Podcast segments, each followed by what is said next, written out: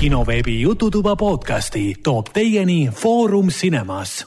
tere tulemast kuulama kinoveebi Jututuba, see on meie kuuekümnes saade, millega koos saates nagu ikka Raiko. tervist. ja Hendrik. tere. Raiko on endiselt püsivalt ja jätkuvalt kultuurikriitik äh, äh, muuhulgas ja Hendrik on jätkuvalt, jätkuvalt endiselt, endiselt Foorum Cinemas programmi spetsialist ja mina olen jätkuvalt endiselt veel Kinoartis programmi juht. see on meie nüüd, mis ta oli, kaheksas või üheksas saade, mis me oleme teinud juba üle interneti. ma ei ole minu kaaspodcastijaid näinud juba alates kolmeteistkümnendast märtsist üheski saates me ei ole näost näkku kohtunud, välja arvatud siis nüüd kahes viimases saates, kus me, me küll otseselt seda videopilti ei salvesta, aga avastasime, et meil on palju lihtsam üksteist näha äh, ja siis suhelda äh,. silma vaadata sügavalt ja rääkida animest. pilte jagada ja igasugust muud stuff'i, mida muidu ei saaks teha. no, no täpselt. päris, päris, päris piinlik tegelikult, et nii hilja avastasime, et me võiksime läbi video teha et üksteist näha, palju lihtsam on niimoodi rääkida, suhelda, mitte kuulata üksteise häält ainult, aga noh. nojah, et me räägime näo, räägime kinoveebist, aga noh, ei tule pähe, et võiks olla videos. nojah, täpselt. lihtsalt näomiimikat on palju parem lugeda, kui sa näed, mida inimene tahab, hetk, mida tahab midagi öelda näiteks, sa ei sega vahele ootamatult ja kõik see um, vot, aga koroonast, koroonast me ei räägi, sest sellest ei ole midagi vahepeal Äh, suuremaid uudiseid tulnud, kinod no, on jätkuvalt kinni no,. siin, siin oli huvitav statistiline number oli jälle. oi-oi, nii. ei lihtsalt ma eile õhtul vist jälle lappasin neid äh, numbreid lihtsalt. et see oli pandud, et New Yorgis äh, positiivsed testid, kuuskümmend kuus protsenti tuli nendelt, kes olid kodus olnud, mitte väljas käinud, ja kaheksateist protsenti positiivsetest testidest olid nendest, kes olid vanadekodudes või noh, nagu hooldekodudes. ja siis kokku kaheksakümmend kaks ei kaheksakümmend neli protsenti äh, testidest, ehk siis kaheksakümmend neli protsenti testidest tulid inimeste käest, kes äh, pidasid kinni karantiini tingimustest. kuidas see võimalik on? nojah, selle tagasi selle juurde, mis ma kunagi saatsin teile, see Stanfordi ja see Oxfordi ülikooli uuring, et äh, lockdown tuli liiga hilja, selleks ajaks, kui lockdown juba tuli, olid enamus inimesed tegelikult juba ammu antikehadega. nagu siis see, kui need inimesed läksid kohe lockdowni, siis nad lihtsalt ei levitanud seda edasi jah, aga lockdown oli, tuli liiga hilja, selles mõttes, et lockdown mm. oli pidanud tulema mingi jaanuaris juba või detsembris, tuli juba märtsis yeah., siis tegelikult oli juba ütleme, noh, koroona oli oma töö tegelikult juba enamus, enamus juba teinud ära. nojah, nojah, nojah, arusaadav. aga no nüüd on meil jäänud veel palju, meil on üksteist päeva jäänud. üksteist päeva jäänud? noh, siis on meil ka ju kõik eriolu, eriolukorraga kaheksateist või kinod on ikka kinni, kinod ja teatrid selle kohta infot ei ole lihtsalt. et see üksteist seitseteist, kaheksateist jaanuar, see pidi olema siis reeglite, eri, eriolukorra reeglite lõdvendamine. mis tähendab äh,, mis päev täna on? mis kuu on praegu äh,? mai, seitseteist, kaheksateist mai. kaheksateist mai oli vist jah, kui pidi olema see. jaa aga siis pidi algama jah, pigem nagu reeglite lõdvendamine ja mitte üleriigiline vabanemine äh, äh, reeglite, reeglite alt, et. Äh, ei no see no. nime, nimekiri oli väga, noh, põhjalik selles suhtes. lihtsalt ainuke asi, mida ei saa, on kinode info ja teatrite info kinod, teatrid ja kõik sellised nii, nii-öelda massiüritused ühes kitsas ruumis. jah, et see kõik on nagu täielikult puudu, et mis meil siin on siis, et kuni kaheksateistkümnendani, et mitmes täna see on? seitsmes. seitsmes jah, homme algab HõHV ju. elagu HõHV uh,. mis meil siis täna on, ahah, kümnendast on juba lubatud siis rahulikult uh, jumalateenistuste ja teiste avalike usuliste talitluste läbiviimise lubamine ja vot see, vot see on kasutuloa ära kasutamine. see on siis kümnendast lubatud ja üheteistkümnendast on juba lubatud kaubanduskeskuste avamine, see on nagu tähtis. et siin äh, üks tuttav, venna tuttav juba läks täna mööda, juba ütleski, et äh, sigina, sigivad ja sagivad igal pool kaubanduskeskustes. kaubanduskeskused olid, olid kinni või? Jah. no minu arust nii palju, kui ma olen, kui ma olen ikka vahepeal käinud, ma olen alati saanud poodides ja igal pool käia ja osta ja teha. jaa, toidupoed on avatud, aga kõik muu. kuidas? ma käisin Euronixis ja ehituspoodides olen käinud ja. Euronix on lahti, jah? oli. ei no sest Viru keskuses olid kõik need väiksemad poed kinni, et sisse mm -hmm. sai vist nagu minna, aga väiksemad poed olid kõik kinni. ainult toidukad on, äh, no Viru keskuses on minu meelest seesamune Little India, kõik need on ka kinni, aga Solarises all on see G on näiteks lahti ja seal saab endale rahulikult osta no,. kaasa ainult siis. noh, ja siis äh, üksteist on ka muuseumid ja näitusasutused. Äh, nende avamine ja viieteistkümnendast on juba siis kontaktõppe taastamine ja raamatukogude avamine. ja kaheksateist on siis avalike koosolekute lubamine. mida muidugi tähendab, et... tähendab avalik koosolek? kas, kas autokino on ka avalik koosolek või? võib-olla läheb on... sinna alla, jah. ma tulen autodega kohale ja teeme koosoleku koos filmiga või, no kuidas sa defineerid seda, ma ei tea. kui sa näitad koosolekul presentatsiooni, kas me oleme nüüd kinos või me oleme koosolekul? ja, et nagu. see, see nagu tähendab tegelikult seda, et selles, see kinode avamine ei tohiks väga kaugele jääda sealt kaheksateistkümnendast maist. et pärast seda võib-olla siis kas juulis. ei no esmaspäeval, äh, ma arvan, et meil on siin suuremad otsused tulevad kõik esmaspäeviti, eks. noh, või noh, nädala jooksul. tõenäoliselt mm. üheteistkümnendast mm. või, või kaheksateistkümnendast juba teame täpsemalt mm. ehk siis see järgmiseks. millal meie õnnetud. mitte järgmiseks korraks, aga ülejärgmiseks korraks on siis põhimõtteliselt teada, ma arvan jah, et äh, millal me siis lõpuks äh, meie Foorum Cinemas kinod siis lõpuks avada, avada saavad ja vennal Artis samamoodi, et äh, kuidagi veider on. Ja siis peaks tööle minema, issand, peaks hommikuti ärkama värki. ja, jah, täpselt. lihtsalt tahaks tagasi kinno minna, tahaks kinosaali minna, inimestega koos suures saalis istuda, vaadata filmi, nautida algusest lõpuni.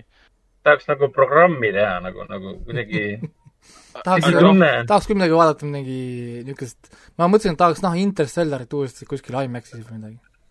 jaa, kinoklassika, davai, tulemas. Ega siin äh, ma võin kihla vedada, et ega siin äh, valikut väga ei ole, mida kinos vaadata. nii et äh, eks näis, mis saama hakkab.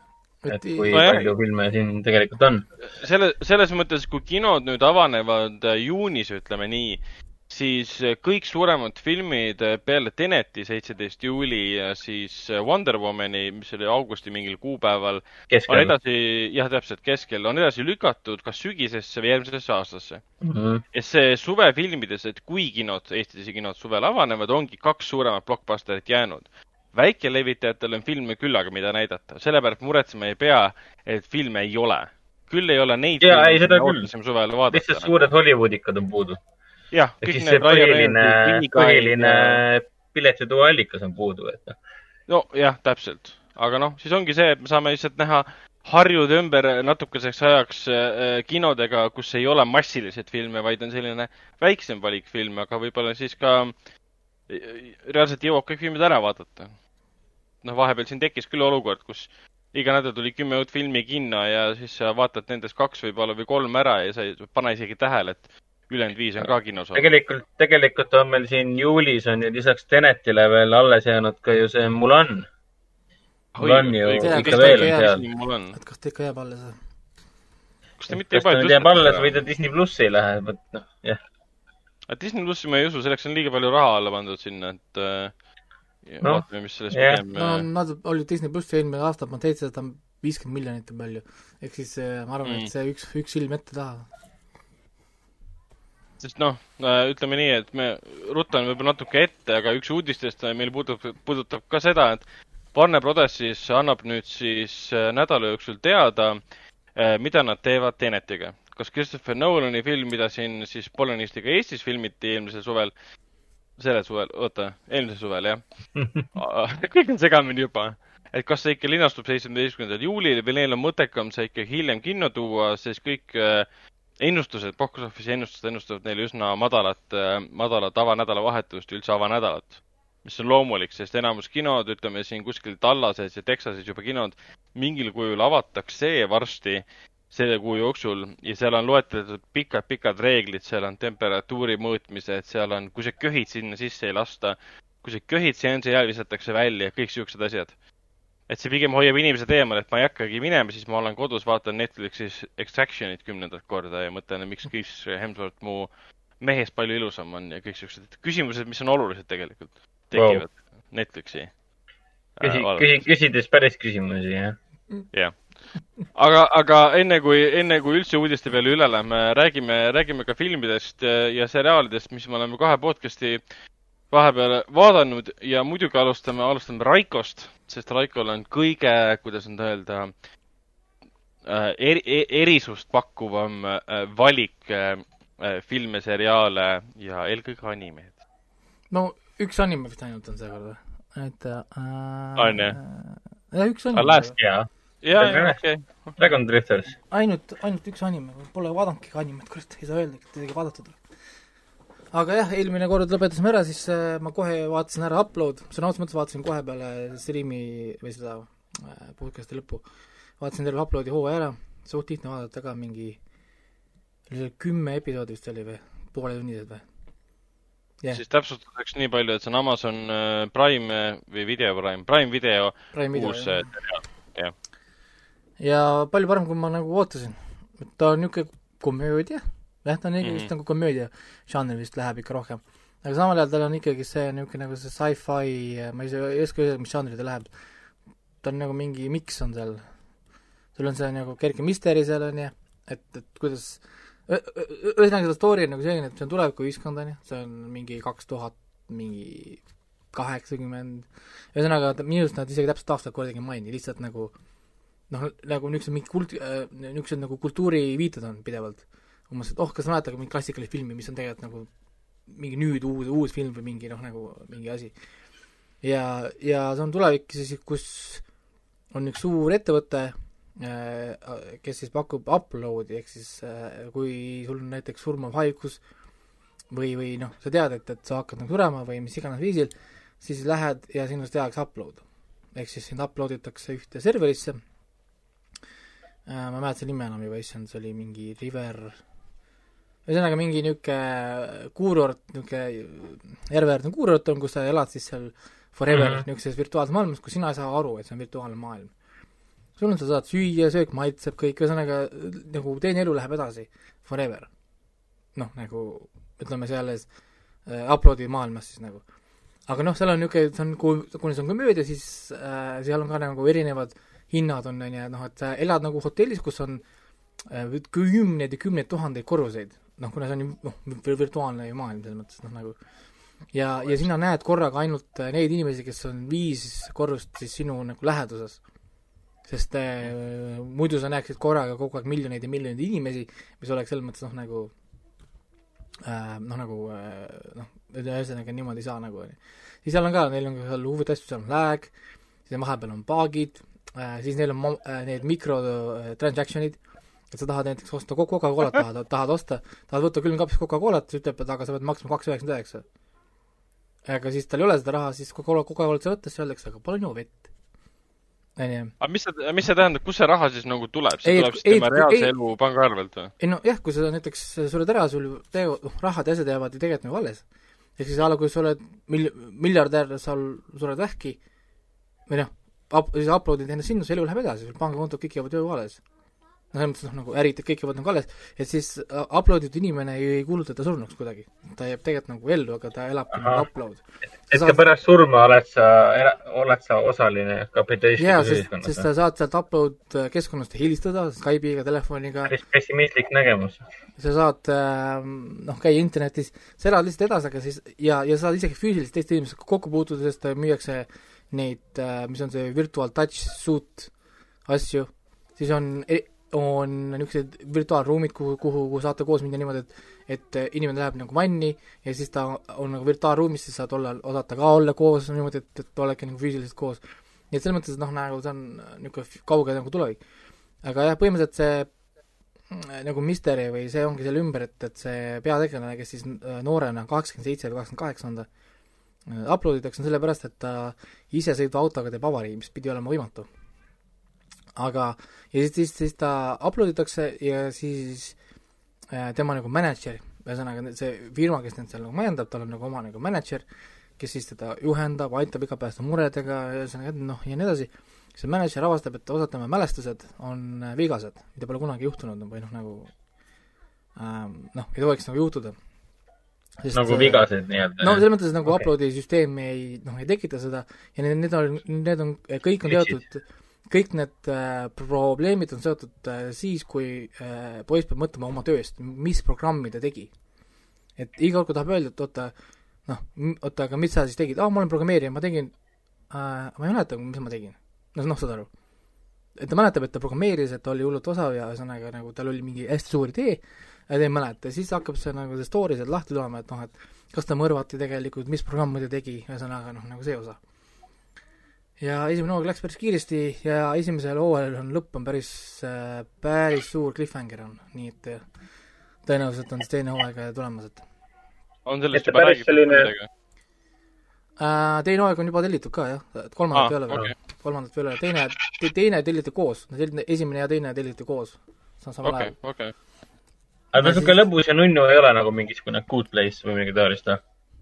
Neid on ikka komöödia. ülemääraselt lõbu. jaa, seal on äh, nagu roh-, romanss, sest seesama mänedžer tekib äh,, neil tekib mingi niisugune suhe oma, omavahel, siis tal on see päriselu girlfriend, kes on rikas, ja mm, noh, siis, siis ongi pidevalt selle virtuaalse eluga kohanemised, kuidas nende maksude, asjade kõigega toime tulla, sest virtuaalses maailmas ka kõik asjad maksavad mm. -hmm.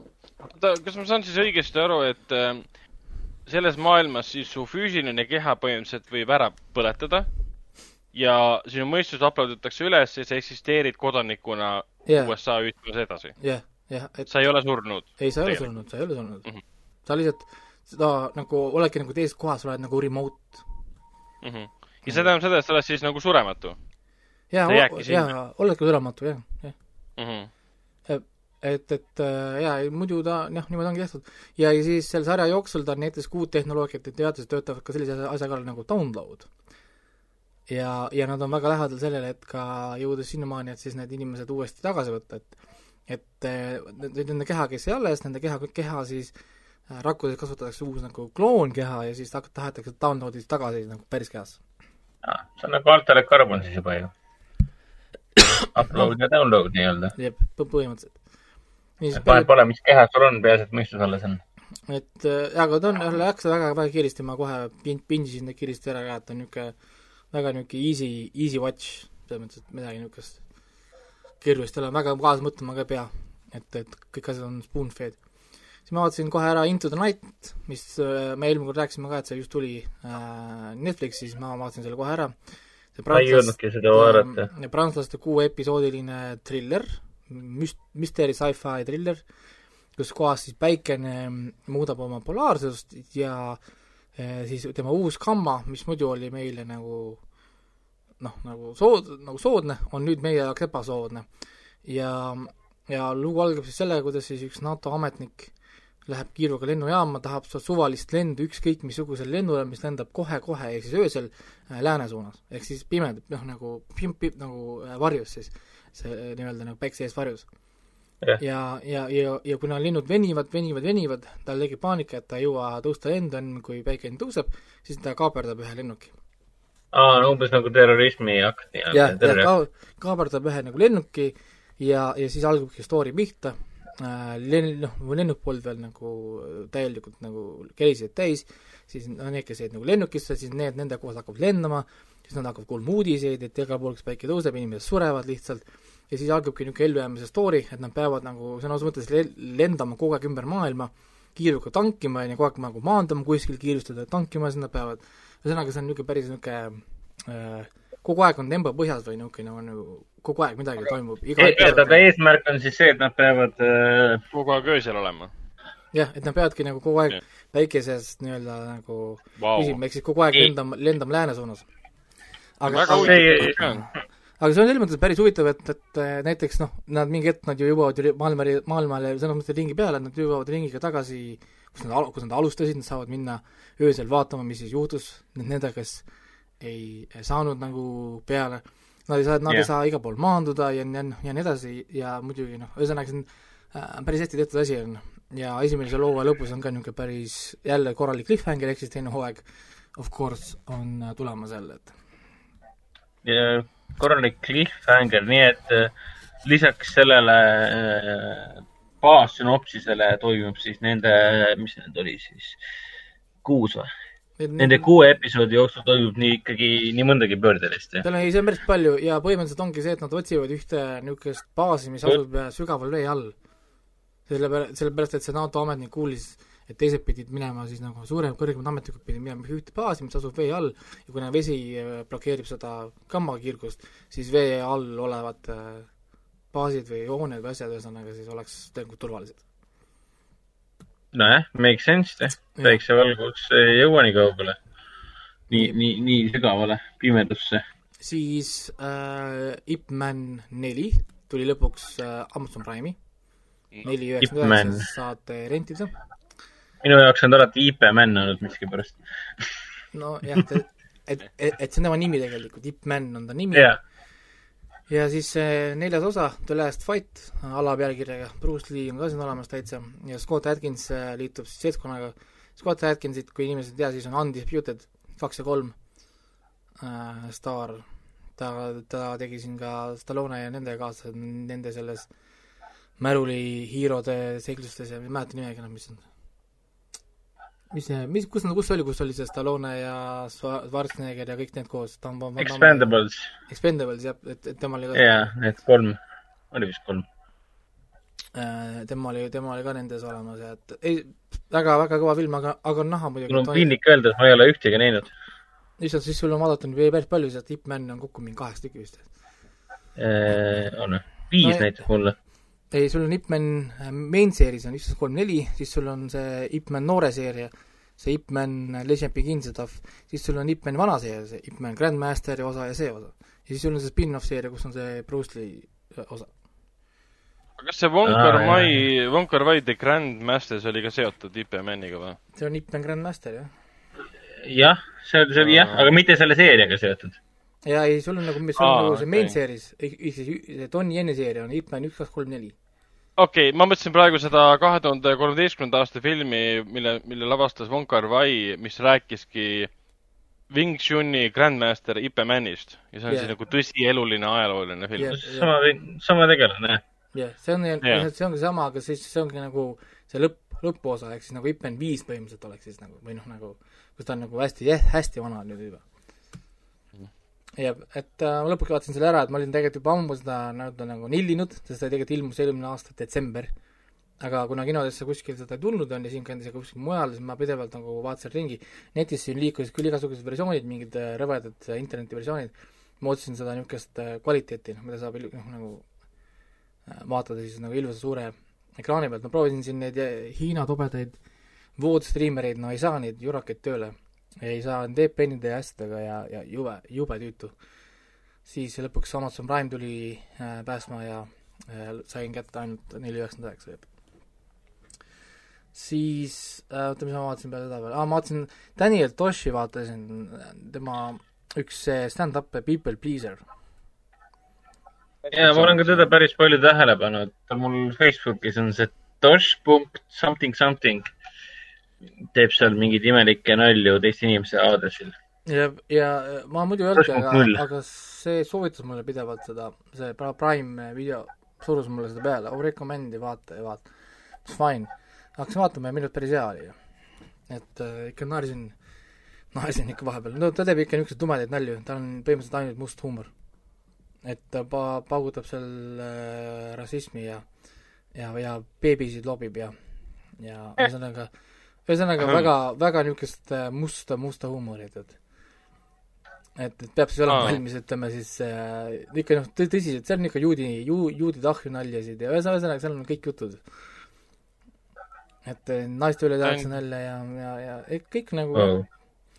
et no muidugi ta teeb, noh, mit-, no ühesõnaga ta teeb kõikide asju üle nalja, teeb muidugi ameeriklaste enda üle ka nalja, et et kuulge, et kas me oleme kõige paremad või kas me ikka oleme ja siis hakkab tulema mingi äh, pikk, pikk monoloog, kuidas nad võib-olla, et kui nad ah,, noh, üks, üks nali näiteks oli, et kui, kui, kui meie ameeriklastele lõpetaks harjumise, et me oleme number üks kogu aeg, on ju, we are number one, we are, number one, ja teeksime, nagu me oleme reaalselt uh,, we are maybe top ten, siis äh, äkki siis Moslem lõpetaks ka meie, meie pommitamise ära, sest äh, kujuta ette, et kui, kui, kui keegi moslem tuleb meie riiki umbes ja siis ütleb talle, no me oleme maybe top ten, aa ah, okei okay,, okei okay., sorry, my bad. noh, et no me lähme pommitame seda number ühte kuskil ja seal on mingi, mingid sellised asju veel, et et ma ei olnud teda üldse ühtegi varem näinud ja kuulnud, see oli minu esimene tema see stand-up. ma olin ka mingeid Facebooki nalju näinud siin ja mingeid Youtube'i klippe siit ja sealt. aga jaa, no need väga muljet ei avaldanud, aga nüüd ma vaatan ikka järgi vist siis, kui sa kiidad ikkagi. sinna Netflixi jõudis just ju hiljuti selle Seinfeldi uus asi ka uh,. Twenty three hours to kill, seda vist ei mm, ole vaadanud, jah? Pole vaadanud, ei tea mulle Seinfeldi mm, huumor äh, väljaspool, väljaspool Seinfeldi ei meeldi, nii et ma ei ole, mitte, mitte ei meeldi, vaid ma pole väga kokku puutunud, et ma ei tea, kas ma üldse selle ette võtan. jah, me, mina ei ole ka väga suur Seinfeldi fänn, et ta on minu arust liiga basic. et kuidagi nagu noh, ma nagu, nagu naeran küll aeg-ajalt siit-sealt, aga, aga arvestades, kui palju ta nagu content'i asju teevad, siis minu arust see protsentuaalselt, kui palju mind, mind naerma jääb, on see suhteliselt nagu kesine, et pole, pole nagu nii impressed olnud. et noh, no muidugi ma vaatan nüüd seda The Last Dance on ju, ma ootan neid uusi episoode kogu aeg, sest see Raibe ju tuleb ju, tiksub siin ju, mitte ei tule kõik korraga. vaadata vahelduseks seriaali, mis tuleb igal nädalal eraldi episood. no umbes nagu Rick and Morty ka. Nojah, okei okay.. no praegu Rick, Rick, Rick and Morty vist tuli nüüd Netflixi tuli ka viies osa, mida ta kogu aeg siis mulle, vaata, vaata. sa ootad ära või?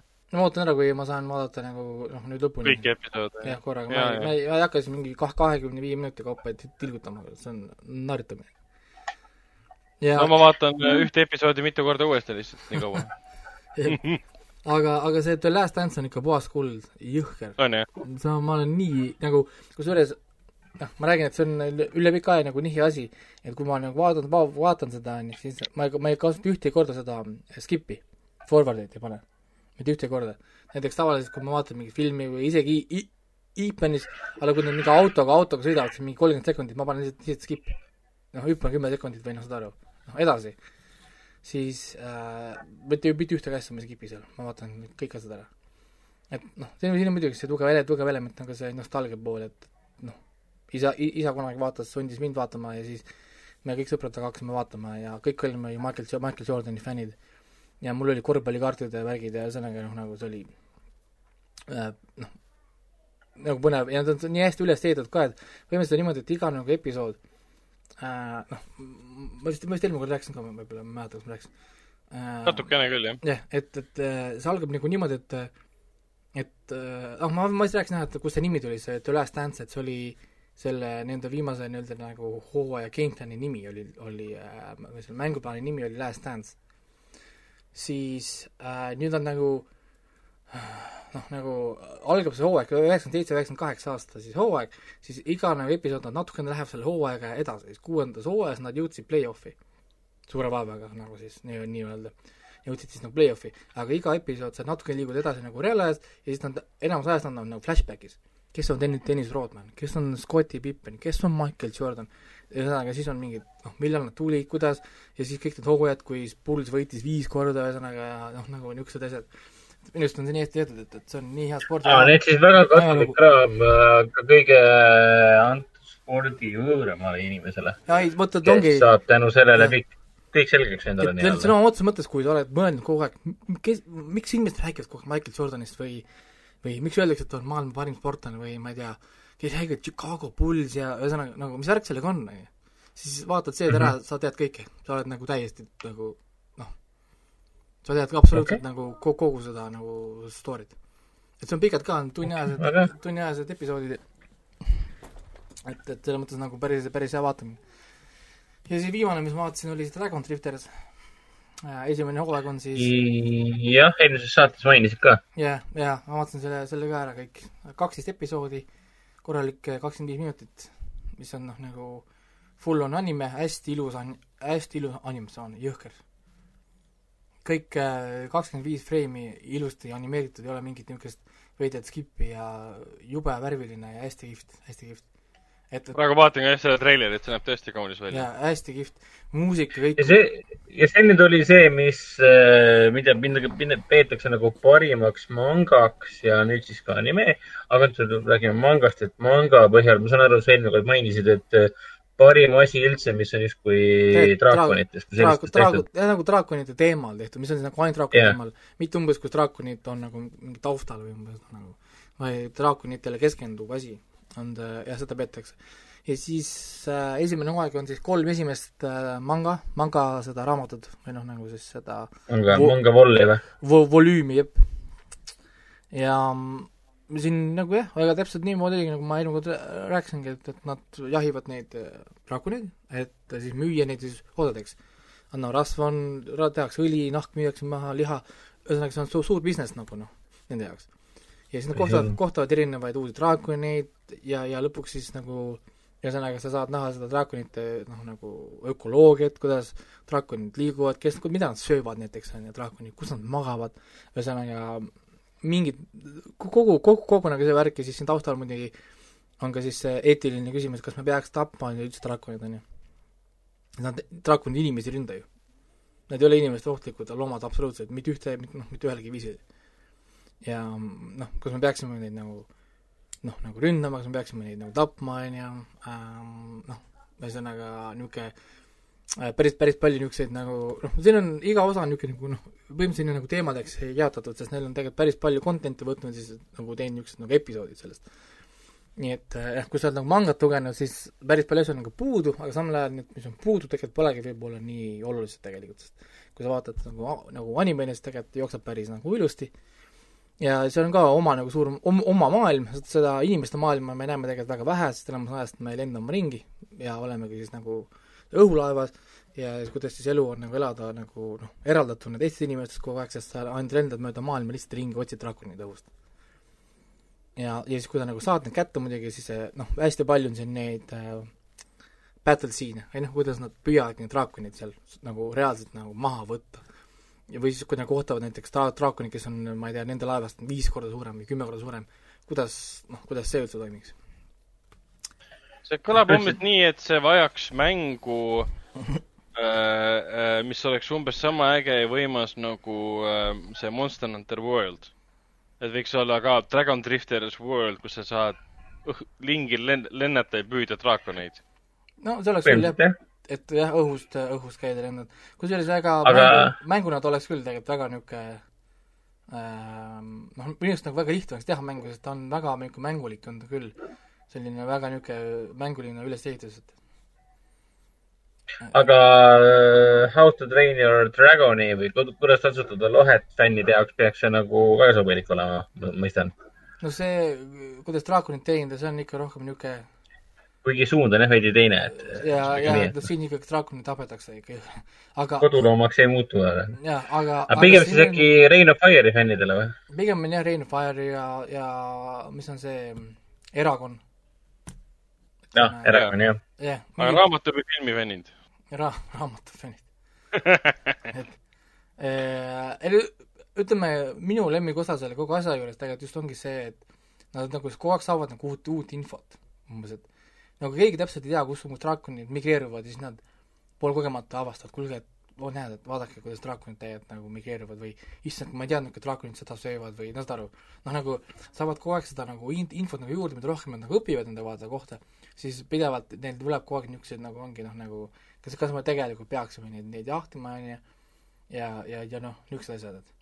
Ja, ja kõige lihtsam oleks neid mürgitada, kui nad mürgitavad, siis nad nagu ei saa seda liha müüa jälle ja ühesõnaga noh, noh nagu niisugune seal tuleb ka see teema sisse, nii nagu selles ähm, Dreamworksi draakoni seerias, et keegi sõbruneb draakoniga ja üritab teisi veenda, et ärge tapke neid. no siin on äh, no nüüd, nüüd sa natuke skip'id ette mingi hooaeg, paar, paar hooaega aga, aga põhimõtteliselt see kolmandas Wallis on ju, mis on siis selle hooaja nagu niisugune viimane mingi kolm-neli episoodi äh,, on küll põhimõtteliselt üks, üks see Takita on siis peategelane, noh, nagu loo peategelane, ta kukub alla sellest õhulaevast, see pole väga suur spoiler, sest see on nagu episoodiline, ehk siis see ei, ei muuda mitte midagi sinu jaoks, kuidas sa tead. ta kukub alla ja siis ta leiab äh, beebidraakoni mida kah keegi pole varem, varem näinudki, keegi pole näinud beebi, beebidraakonit, keegi ei tea üldse, kus draakonid isegi nagu sünnitavad või noh, nemad, sa näed draakoni, kui nad on juba suured ja lendavad nagu ringi, kust, kust tuleb beebidraakon? see on umbes nagu tubidega. kes on kunagi näinud tuvibeebisid? mina mitte jaa, tõsi yeah. no Raiko, aga olete kunagi tuvibeebit näinud? ei ole, ei ole. no siis ma räägin, noh yeah. täpselt sama teema. jep, et see on sama, sama, sama, sama, samamoodi ja ja siis põhimõtteliselt see on niimoodi, niimoodi, et, et kuna see beebidraakon päästab selle tüdruku elu, siis tüdruk nagu vastutasuks päästab selle beebidraakoni elu, viib ta tagasi oma siis karja juurde. aga hiljem, nagu ma juba tean, sest ma olen äh, võib-olla lugenud Citizen siis äh, äh, hiljem nagu ta, nagu kui ta selle beebidraakoni nagu ära annab, ta annab sellele beebidraakonile saba külge, paneb oma selle amuleti talle ja, ja see on hästi oluline moment, mis siin võib-olla animes tegelikult kuidagi väga kiiresti lipsas, lipsas mööda, sellepärast et hiljem, kui aastad nagu või no aastad lähevad nagu mööda, siis ta kohtab hiljem ühte draakonit, suurt draakonit, kellel on siis saba küljes tema amulet. okei okay., aga kas see tähendab siis seda, et seal tekibki see äratundmisrõõm, et draakon on piisavalt mõistusega intelligentne olend, et ta tunneb ära tema, kes ta kunagi hoolitses või?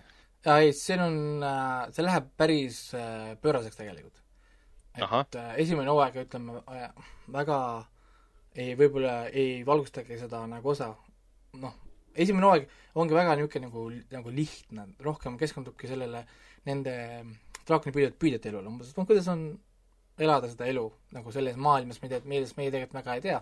et olla nagu kakskümmend neli seitse kogu aeg õhus, kogu aeg lennata ja kogu aeg püüda neid mingeid veidraid suuri loomi. noh, keskendub tegelikult noh, nagu sellele ja siis, siis noh, nüüd ma eeldan, et järgmine hooaeg siis lähebki nüüd selle peale, et hakkab meile rääkima nüüd ähm, draakonidest, nagu draakonidest endast nagu rohkem.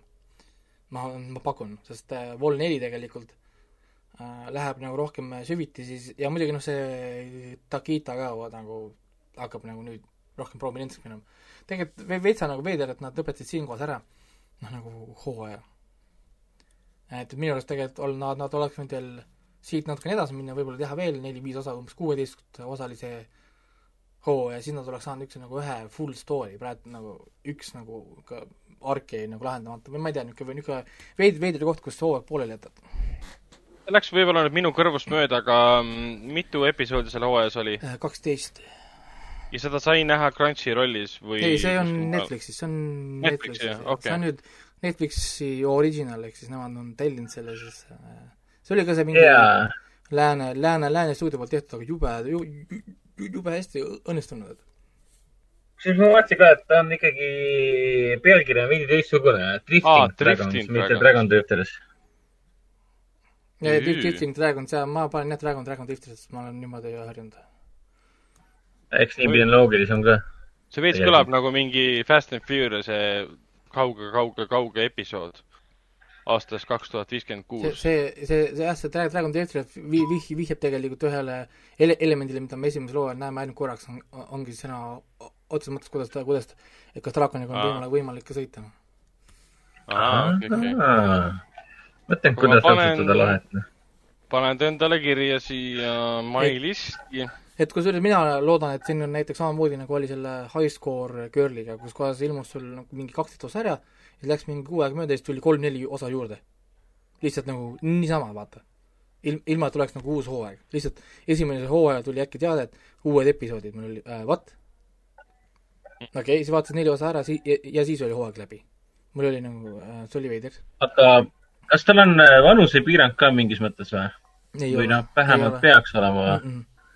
Nad ju verd, verd, verd on väga vähe. no ma ei tea, kas väärib, tegelikult ma mõtlen. ei noh, näiteks kui sul on, äh, ma ei tea, seitsmeaastane äh, seesamune lohe, lohefänn, kas, äh, kas siis on see, et loheseeria fänn, et kuidas tasuta lohed, kas see üleminek sellele on siis väga raske? okei okay,, ta ei saa seda vaadata, sest see ei ole dubleeritud ka muidugi kui no, kui tõenäoline see muidugi on? ta on inglise keeles jah, et ta võib teha nii, nagu teen mina, mina tavaliselt lastele reaalajas tõlgin või loen subtiitrid. aa, niimoodi? jah yeah.. ja ma mõtlengi, et noh, kurat, ega ta lastele vist näiteks, aga ta ei ole väga niisugune lastega, laste content.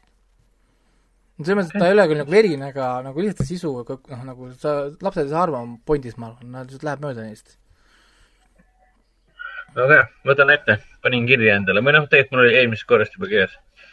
et vaadake vähemalt mingi paar episoodi ära, vaadake, kuidas, kuidas tundub. sest eh, vaata, ta on hästi tugevalt episoodiline, ehk siis nagu iga e-, osa on nagu üks nagu full on, full asi. nagu üks nagu mingi story nende elust, kui nad seal laeva peal on, ehk siis sellist asja siin ei ole umbes, et ma ei tea, episood to be continued ja järgmine osa läheb täpselt sealt, sealt edasi. järgmine osa algab umbes nagu keegi ei mäleta, noh, nad mäletasid, mis nagu oli, aga see oli umbes nagu sõbrad oli või noh, saad aru. ma ei tea, kuidas seda nimetatakse. et karakterid lähevad edasi, aga uus story on um,, umbes nagu Star track on ja kõik need on, et yeah.. no veits yeah. antoloogia moodi, aga mitte otseselt ähm et karakterid on küll jah, samad, need on nimed samad, nad mäletavad, et nad umbes tegelesid seal draakoniga või mingi, ma ei tea, mingi aeg tagasi, aga järgmine kord, kui osa algab, siis see probleem on kadunud, või noh, seda enam ei eksisteeri, nüüd on neil uus mingi story ja ühesõnaga.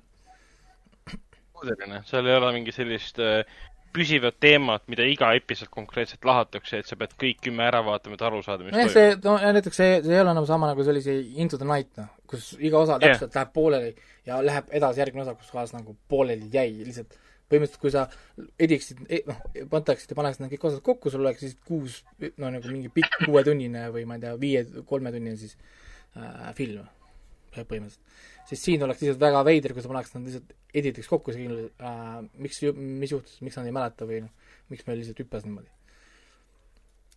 et äh, päris palju läheb aega mööda ka, nad ei räägi ajast ka üldse, selles mõttes me ei tea isegi, mis planeedi peal nad on, kas see on maaplaneet äh,, mis aeg see on, noh nagu on see meie mõistes tulevik, minevik või noh, me ei tea mitte midagi, lihtsalt see õhu, mingi õhulaev, me püüame draakoneid, me müüme neid ja, ja nii ongi kõlab, kõlab väga õieti minu meelest. selge, aga väga, väga, väga äge. Äh, aga liigume edasi Hendriku juurde, kes äh, räägib meile siin, äh, kõigepealt räägib üks, issand, kui palju asju sul sulgudes kirjas on. Ma arvan, et su nimekiri okay. on oluliselt. see, see käib üle sinu pea praegu. igal juhul täiesti on asju, mida mina ja vend oleme koos vaadanud alusta jah nendest, olen mina vaadanud. alusta jah nendest, mida saad üksi, üksi, üksi omas, omas, omas keskkonnas vaadata. jah. oota, eelmises saates sa rääkisid oma Extractioni kogemusest, jah? jah, saate lõpupoole, sest mul läks vahepeal meelest ära, et ma ta ära vaatasin aa ah,, okei okay,, siis võime koos rääkida sellest. igal juhul uh, Midnight Gospelit vaatan ikka veel edasi, ma olen jätkuvalt viienda episoodi peal alles, noh, ma vaatasin hiljuti ära, ära viienda, et miskipärast see võtab mul aega uh, et ta ei ole niisugune asi, mida ma vaataks nagu otsa selles suhtes. Äh, ta on ikkagi väga niisugune paras, paras suutäis, mida nagu analüüsida ja mida ka kaasa mõelda nii-öelda.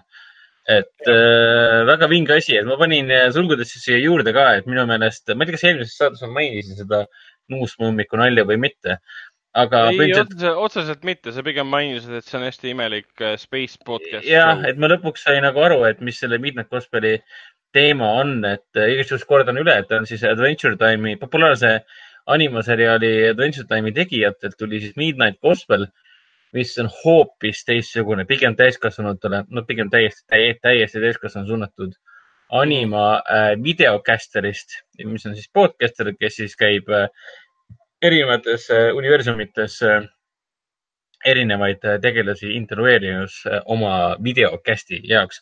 tal on fännid ja tal on koer ja nii edasi. tal koeral on siin kõhu peal on tal mingi must auk, mis viib teise universumisse ja sinna kukub kõik, mis vähegi peategelase Glance'il laua pealt maha kukub. sest noh, why not. kõik siin sarjas on täielikult umbes niimoodi, et loogikat kui sellist väga otseselt ei ole, et kõik on nii nagu olema peab tegijate jaoks nii-öelda. aga võtakski kokku selle umbes niimoodi, et äh, mis siis oleks, kui äh, Muumielu lugude Nuuskmammik ja Eesti enda horror ikoon äh, Klaabu teeksid äh, üledoosi äh, tõenäoliselt mingist viiest erinevast äh, narkootikumist, mille päritolu ei oska mitte keegi mitte kunagi kinnitada ega, ega, ega üles leida. aga selgita nüüd mõne sõnaga, kuidas, kuidas on Klaabu Eesti oma horror ikoon? kas see, olete täiskasvanud, täiskasvanuna Klaabut uuesti vaadanud või? ei, ma olen kas mingeid pilte või raamatuid või midagi laadset näinud. Klaabu on küll päris jube, ma olen sellega nõus. no ma räägin, noh. see Klaabu, Klaabu... kosmose story või mis, mis tal oli? Klaabu käib kosmoses või mis see oli? oli vist. ma ei mäleta enam, ta oli mingisugusel täiesti mingil Fantastic Planetil jooksis ringi ja, ja, ja kõik oli hästi sürreaalne ja kommide mõju all ja nii edasi. see on ikka puhas horror, mingi, mingi story tal oli, mingi Klaabu kosmosesse või, või, või ühesõnaga mingi sellise nime uh,. jah, midagi sellist oli. Klaabu on vihmapiisas sündinud, rõõmsameelne ja seiklushimuline tegelane. Klaabu kosmoses. vot jah, võib-olla oli siis see jaa. See oli küll, ma mäletan, mäletan mul, kui ma mõtlen lapsepõlvest, kuskilt tuleb mingi, tulebki meelde nagu, et noh, mis asi see on nagu, what the, what the aastast, aastast kaheksakümmend üks. miks ta horror-ikoon on, sellepärast et äh, mul üks hea sõber äh, kunagi ammu ütles ka, et äh, tema alustas seda teemat, et Klaab on täielik horror. Et olete uuesti vaadanud, see on nagu täiesti fuck up'is mu lapsepõlve ära, et mul on siiamaani meeles need ma nägin õudukaid ka sellest klaabust nii-öelda, et noh, mõni ime, et see inimestele niimoodi halvasti mõjub. see on umbes sama, mis sa väiksena vaatad teletuksusid ja siis kakskümmend viis aastat hiljem vajad nagu äh, psühhiaatri abi, et äh, oma eluga toime tulla. et noh, miks tehakse selliseid asju, keegi ei tea. fakt on see, et klaab on muidugi parem kui mingisugune teletupsud. klaab on vähemalt kunst. teletupsud siiamaani jookseb wow.. kus nüüd pandi, pandi, pandi ära praegu? pandi paika. Ragnar? ei, ma mõtlen, kas tele, teletupsud jookseb siiamaani või? Äh,. ei küsinud mitte keegi selles saates seda küsimust. Ähm... see, see, ära, ära küsi neid raskeid küsimusi nagu. ära võta äh... nagu saatana, Pandora laegas on see, nüüd sa hakkadki vaatama neid, järgmises saates räägib teletussudest meil. üheksa hooaega, viimane hooaeg oli kaks tuhat kaheksateist. oh jumal. alustas üheksakümmend seitse, vahepeal oli mingi kümne aasta pikkune paus, kaks tuhat üks ja siis kaks tuhat viisteist oli uus ma olen väga üllatunud, et see asi on nii kaua kestnud. igal juhul Midnight Gospel ei ole nagu, nagu ka Klaabu otseselt ega ka, ega ka teletupsud. ta on midagi palju paremat. aga siis ma vaatasin ka Run'i ehk siis äh, see HBO seriaal, mis on Eesti HBO-s täitsa vaadatav mm. -hmm. Elisa, Elisa HBO-s, jah. Äh, see on siis Telia. Tom, Tom, ah? sa ütlesid praegu Elisa HBO või? ei ole või, Telia või? Jah. mul läheb nii sassi, mul on, mul on need asjad on nii, nii ühesugused. et äh, ma tean, mis content on, aga, aga mul võib lihtsalt sassi minna, et mis, mis, mis, mis on. aga see on see Tom Gleasoni ja Merit Weaveri seriaal. Äh, kolmanda osani olen jõudnud, neli on tegelikult väljas, see tuleb ka kord nädalas. Äh, no nüüd esmakordselt tekkis tunne, et enam ei ole nii self-contained episoodid kui esimesed kaks et kuidagi vähe liha on ühe kolme, peaaegu et kolmekümne minutilise episoodi jaoks. et nüüd pigem kolmas osa tekitas küsimusi, et nüüd te lihtsalt olete siin äh, kuuekümne minutilise episoodi kaheks teinud ja õigustate seda siis nagu täispika episoodiga, episoodina. aga eks näis, kust välja jõuab, väga palju äh, intriigi seal on, aga kolmas osa pigem tekitab küsimuse, et kas see intriig on nüüd tõesti nüüd täielikult lahtunud, kas ta enam suudabki põnevamaks minna, kui ta juba on. lugu oli siis muidugi sellest, kuidas siis vanad ülikoolisõbrad saavad üle viieteist aasta, oli vist viisteist aastat jälle, jälle kokku. Nad olid kunagi endale kokkuleppe teinud, et eh, kui on häda käes, siis eh, saada mulle sõnum, jookse. ja mina, kui mina sulle vastu saadan, siis jookseme mõlemad seekord nad siis jooksevadki oma kohustuste eest ära nii-öelda. aga mis ma veel vaatasin täna, täna siis äh, äh, koroonakarantiin, nagu see elu on, et päeval, päeval natukene mängisin Uncharted nelja, kohe on läbi. olen mingi, ei teagi, neli peatükki veel vist või, mingi seitsmeteistkümnes peatükis aga see pole see kõige tähtsam osa, sest ma tegin vahepeal vahepausi, mõtlesin, et äh, tegin omletti endale või noh, praemuna tegelikult, ma seda muna korras katki ei teinudki. vahelduseks, ma pole väga pikka aega lihtsalt äh, tavalist muna praadinud äh,. muna korras ei teinud katki? ma olen, ma olen alati omletti teinud, ma ei söö, ma ei söö tavaliselt muna niimoodi, et ma lihtsalt panen ta sinna munakollane on terve ja panen ta panni peale. ma teen alati omlett, omletti läheb kõik sisse. kõik toidujäägid ju... lähevad omletti no sa võid ju pannile visata ja teha seal munakollase lahti katki nagu ja siis on kõik. ei, see on absurdne, mis asja, ära räägi rumalusi aga äh, kuhu ma tahtsin jõuda äh,? Afterlife'i äh,, mitte teist hooaega, vaid ma olin siiamaani vaadanud Ricky Gervaisi tegelikult noh, sihuke musta huumoriga dra draamaseriaalist Netflixis siis vaadanud ära ainult esimese osa ja täna vaatasin kõik ülejäänud ära. seal oli vist tegelikult kuus kokku või? kuidas? mis ta oli, kakskümmend minutit episood või, ei olnud või? kohe ütlen sulle kolmkümmend minutit. kakskümmend viis kuni kolmkümmend. siukseid asju on nii lihtne vaadata, et sa järjest vaatad, sa ei tunne üldse ennast halvasti. ja kokku oligi kuus episoodi ja tänase seisuga vaatasin kõik järjest, vaatasin viis episoodi järjest ära Äh, ja täiesti konksu otsa võttis, no juba piloot võttis nüüd konksu otsa, aga nüüd võttis veelgi enam. et äh, mulle väga meeldib selles suhtes, mulle meeldib eriti selle poolest ka, et ta ei ole selline seriaal, mida sa näiteks Ricky Gervaisilt ootaksid. et pigem ootaksid mingit eriti rämedat, sihukest äh, sõgedat musta huumorit, kus on kogu aeg räme, räme lollimine käib, ehk siis nagu tõmmatakse seda huumorit sinust välja ja siis virutatakse ekraanile. ta on ikka väga tõsine teema, nagu väga tõsine seriaal leinast ja kuidas peategelane on depressioonis ja suitsiidne ja ainus viis, kuidas ta suudab oma naise varajasest äh, surmast äh, üle saada, on olla teiste vastu ääretult, ääretult vastik ja nõme ja kohati ta on muidugi nii kohutav inimene, et see on, kui ta juba väikest last ähvardab äh,.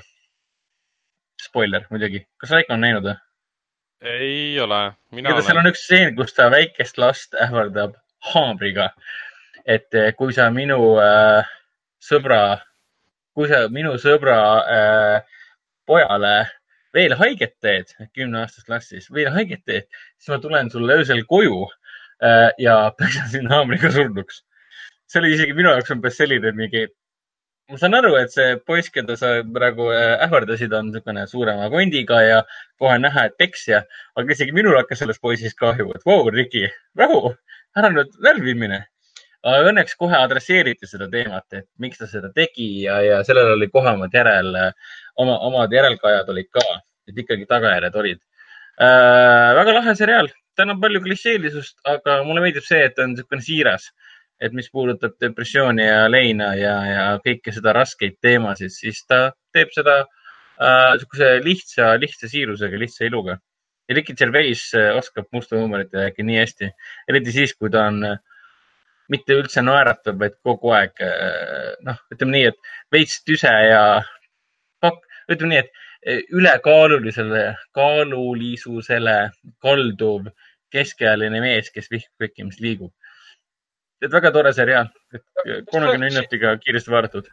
kas sina ei olnud natuke pettunud selles, et äh, Ricky Gervais on oma stand-up'is alati väga terav? Ja yeah. kui ta näiteks käib äh, Kuldgloobustel tegemas neid sissejuhatusi, ta on ka väga terav mm. -hmm. ma veits nagu Afterlife'i, kui ma esimest korda kunagi vaatasin, ootasin täpselt sedasama teravust, et ta läheks sellega lõpuni.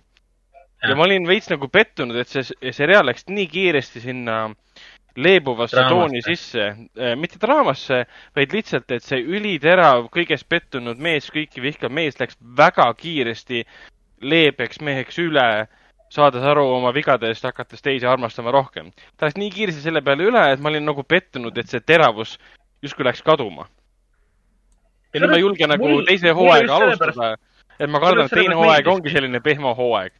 aga, aga tagantjärgi ma hakkasin mõtlema, et tegelikult see on ega Gervais on ju vanem mees ka juba, tal on terve elu selja taga, et ta ei saagi elu lõpuni sellesama stikiga lõpuni minna.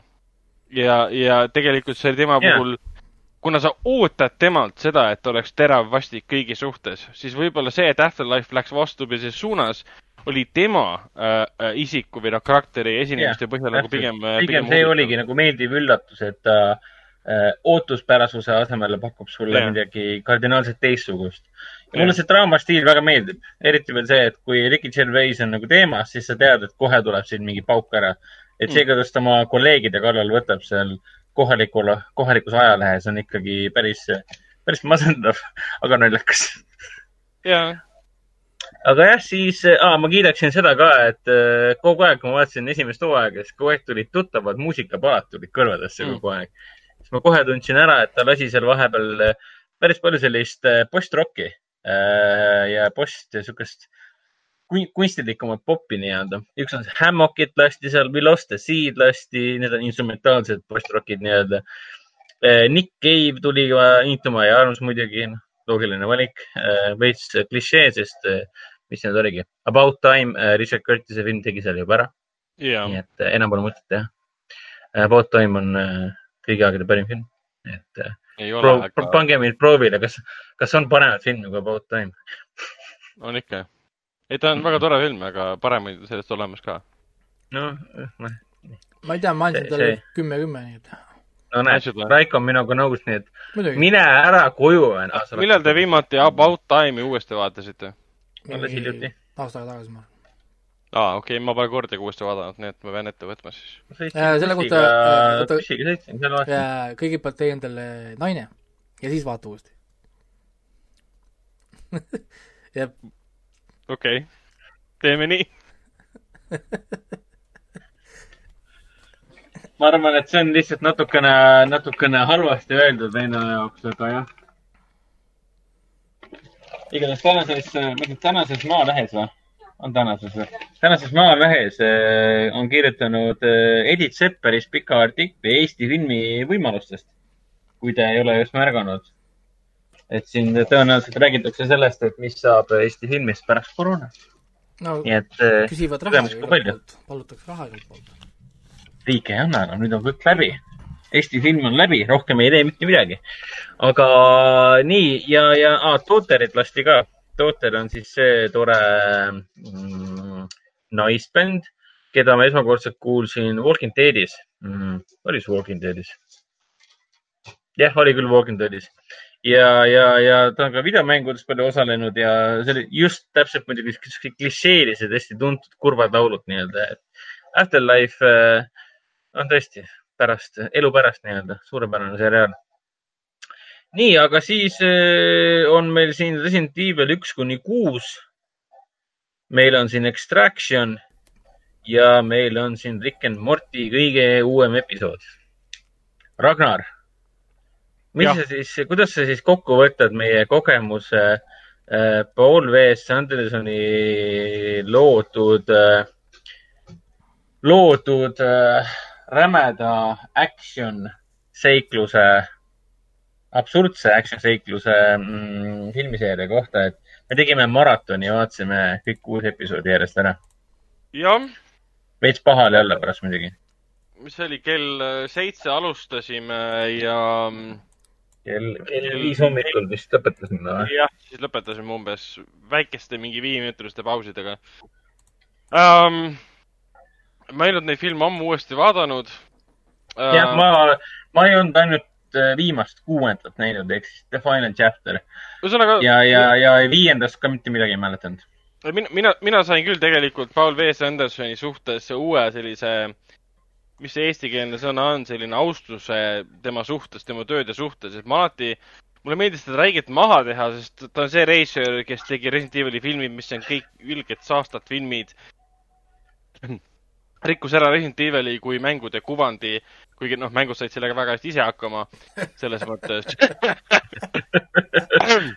ja, ja ükski Resident Evil'i mäng ei läinud nii absurdseks, nõdrameelseks, idiootsuseks, nagu Läks. seda oli Resident Evil'i äh, neljas okay. ehk siis Afterlife ja viies ehk siis Retribution.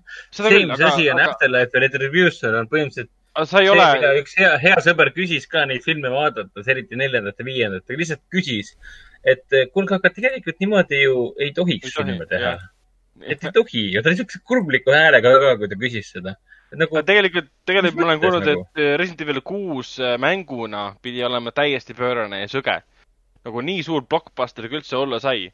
et need filmid lähevad samasse, samasse auku selle koha pealt. kuues ongi aga..., kuues on kõige sarnasem filmidele noh, jah, täpselt. aga kui me alustame, alustame nagu esimestest osadest, siis tegelikult esimene osa algab nagu päris õudukas. Et Paul W. Sanderson ja. tahtis seda tegelikult teha nagu eelloona esimesele Resident Evil'i äh, filmile, äh, mängule ja sellepärast ta põhjendas, miks ta pani peaosaliseks äh, Alice'i, mitte siis Chilli või mõne muu mänguseeria. ei, see on jumala okei okay,, et tegelikult see Alice välja mõeldi, et see, sellest ma olen nagu üle saanud, et see väga ei häiri üldse. esimene film, mis ta oli kaks tuhat alguses, kaks tuhat kaks oli tegelikult päris õudukas aga mida rohkem sa, mida kauem sa seda esimest filmi vaatad, seda rohkem sa saad aru, et Wes Andersoni tegelikult huvitab üle stiliseeritud action ja seal olid siuksed pisikesed eh, pilguheited sellesse hullumeelsesse action'isse, mida ta ei saanud tegelikult lavastada, sest tal polnud selleks piisavalt vahendeid või raha või siis stuudio usaldust.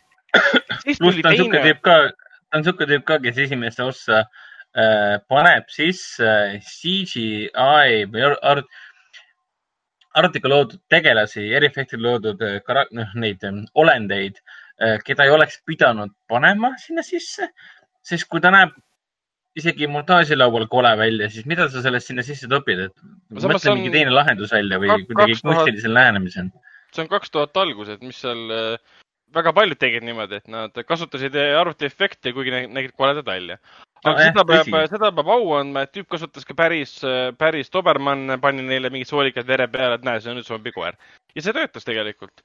aga teine osa läks nagu, see ei olnud enam Paul W. Sandersoni lavastatud, see oli Aleksander Viti lavastatud, kes oli siis tema mingi mm, first AD ja, ja mis iganes production abiline eelne, eelneva filmi juures. ja see ja. teine osa, see läks juba täiesti segaseks selle koha pealt, et see algas jälle nagu õudukas, aga läks täiesti üle selliseks, ma hüppan mootorrattaga läbi äh, kiriku äh, vitriini, mootorrattas lendab tagurpidi äh, zombi olendi sisse, ma tulistan aegluubis kuulid välja mida, ja ma näen, kuidas aegluubis kuulid lendavad bensiinipaaki, mootorratas lendab õhku ja ma ütlen one-lineri. kogu film oli selline. Äh, poosetamine nii-öelda, siis teisest osast algaski see räme poosetamine pihta. jah, ja siis sa mõtlesid, et okei okay,, see seeria oleks nagu käest ära. Ja siis tuli kolmas osa, mis oli jälle kuidagi postapokalüptiline, äh, tõsine. Extinction. Extinction, täpselt, mis oli lavastatud. see oli siis kaks tuhat seitse. jah, Mulkaki poolt Russell Mul-, Russell Mulcahy on siis see tüüp, kes tegi neid ähm, Highlanderi filme. Highlanderi ja siis neid Scorpioni kuninga järgisid tootes, kui ma ei eksi. ja kolmas osa oli juba, noh, okei okay film, et aeglasema tempoga, selline sisse äh, introspektiivne film Alice'i karakterisse, mis ta tahab, kuhu ta läheb. ja, ja oli rohkem selline zombi, äh, zombi triller, ütleme nii Uh, aga see oligi nagu eelmäng selleks, et neljanda ja viienda ja kuuenda filmiga saaks äh, Paul W. Anderson tagasi tulla, teha absoluutselt kõik asjad ära, mis talle pähe tuleb, sest need filmid tehti kõik kuni nelikümmend kuni kuuskümmend viis miljonit ja teenisid järjest rohkem, sada kuni kolmsada miljonit tagasi. stuudio Sony ütlesid kõik, tee mis tahad. Ja neljas, viies ja kuues ongi umbes niimoodi, et talle anti vabad käed, sul ei ole palju raha, tee mis tahad ja tegi kõik asjad ära, mis talle pähe tuli. Kaasa arvatud see, et sul on viiendas filmis, pidime endale meelde tuletama, et see on zombifilm. sul on viiendas filmis sõna otseses mõttes äh, simulatsioon simulatsiooni sees, kus me näeme New Yorki hävinemas äh, tsunami tõttu äh,, mis asub äh, Kamtšaka äh, vetesügavustes äh, baasis, kus on äh, simulatsioon Venemaast, kus on äh, kommunismi kom,, kom, kommunistide zombid äh, ja siis Tokyo zombid täiesti pöörasus kuubis. ja siis sa kohe tuletad meelde, see on zombifilm, see oli zombifilm. ja ole... kogu filmi tegevustik on ühes suures jaamas yeah., maa-aluses, veealuses jaamas. see neljas oli ju see film, kus neil oli see suur äh, venne vannitoa või WC fight scene või? jaa, see oli see neljas jaa ja., Afterlife. et see oli minu arust rohkem, rohkem Silent Hill tookord kui äh, jaa, oli, kuigi ma saan aru, et see, see tüüp, see kartuli, kartulikoti pea, et see on ju otse Resident Evil neljast nagu enam-vähem nagu inspireeritud. Äh, mängust võetud, jah. kes suure, suure mingi kirvetaolise liha, lihahaamriga jooksis seal ringi. aga kui mina kunagi vaatasin seda kinos, kusjuures, siis see oli väga awesome. Suurelt, suurelt ekraanilt see mälul on väga, väga nagu õhke. sa rääkisid nendest kusjuures numbrites ka. ma võtsin lahti korra need numbrid kokku siis kõikide filmide peale, siis kuue filmi peale äh,, budget'id olid kakssada üheksakümmend kaks ja pool miljonit. kakssada üheksakümmend kaks äh, koma viis, et kakssada üheksakümmend kaks, jah, kakssada üheksakümmend kaks koma viis miljonit äh, dollarit oli siis budget ja ta teenis tagasi üks koma kolm miljardit no jah, täpselt. filmide peale. Et kui see kolmas osa Extinction teenis veel äh, nagu normaalsel hulgal tagasi, et tehti neljakümne viiega, teenis sada viiskümmend tagasi, mis on ka väga suur äh, tulemus, siis see viies film, mis oli 3D-s ka veel ja ta pluss ta oli filmitud ju veel see, kas ma siin viies või, neljas film. Äh, see oli veel filmitud selle James Cameroni avatari kaameratehnikaga ka veel et saada seda ultra HD pilti nii-öelda, et siis 3D efektid oleksid võimalikult äh, eelistatavad ja võimsad. seda oli, seda oli kodus ekraanil ka selgelt näha ja ükskõik, kui palju sa neid filme maha teed, kui sa mõtled, Alice on mõttetu karakter, need on sisutud filmid. nagu Raiko ütles, kui sa vaatad neid action stseene, need on tegelikult väga hoolikalt läbi mõeldud vahet pole, et sa näed, kuidas selle Ali Larteri silmad pilguvad aegluubis selleks, et ta hüppaks ja haaraks mingi asja ja libiseks mööda põrandat, kui miskipärast on neid rünnanud suure kartulikotiga tohutu suur mees, kellel on haamer käes, kelle saabumise põhjendust ei ole. me ei tea, kes ta on, kelle ta saatis, kust ja. ta tuli. täiesti lamp. ja täpselt, et pärast äh, kuni kolmanda osani äh, oli kõik nagu veel paigas, et asju mõeldi läbi ja põhjendati äh,. aga neljandast on tõesti see, et nagu lihtsalt mingi, aa, suva, nüüd on see kust ta tuleb. ei, me ei, me ei, me ei, me ei põhjenda, meil on jumala ükskõik. nagu kogu aeg oli niisugune tunne, et eh, Paul V. S. Andersoni suhtumine alates neljandast osast selle seeriasse oli see, et eh, mind teie loogika küsimused ei, üldse korda ei lähe. mina teen nii, nagu mina tahan. sest noh, kolmanda alguses meile selgitati, et kogu maailm äh, nakatus mm,. kõik muutusid ju zombideks nii-öelda. miskipärast mingisuguse, ma saan aru, kuue kuuga või, või aastaga mm. kogu maailm muutus kõrbestus ära, kogu yeah. maailm kõrbestus. liivaplaneediks, literaali. ookeanid on ka kadunud. järgmiseks osaks pole liivast halli haisugi ja kõik, kõik... ookeanid on tagasi. ja mitte mingit, mitte mingit äh, Mad Max Fury Road stiilis äh, äh, postapokalüptilist kõrbemastikku enam ei ole ega tule ja. ka tagasi aga sa ei vaata, sa ei vaatagi neid filme nagu loogika tõttu, sa vaatad isegi see viies osa, mis selle absurdsus kuubis, action stseenid on tegelikult ägedad, neil on, nad on väga hea rütmiga, aeglase montaažiga, okei okay,, kuues osa läks täiesti segaseks montaaži osas, seda oli võimatu kohati vaadata, mul hakkas, hakkas silmad valutama lihtsalt, ma tundsin yeah., et minu ajus läks midagi katki seda montaaži vaadates, aga kuues no, osa. kolm on nagu osa... väga ühtlane supp nii-öelda. jah, jah. aga ei, selles mõttes. aga ta on vaatemänguline asi, mida nagu tasub vaadata tasub ka järjest vaadata ja neil on kõige suurem eelis on see, et sa ei pea neid vaatama järjest et aru saada, mis toimub uues filmis. sest uus film sõna otseses mõttes tihtipeale filmi alguses ütleb ühe lausega, unustab ära kõik, mis eelmises oli ja läheme edasi täiesti uute tegelaste, uute asjadega. pluss ei... enamike filmide alguses on kogu aeg ju see, et mingi tere, mina olen Alice. ma töötasin seal, ma töötasin ja, seal laboratooriumis, kogu aeg korrutab üle.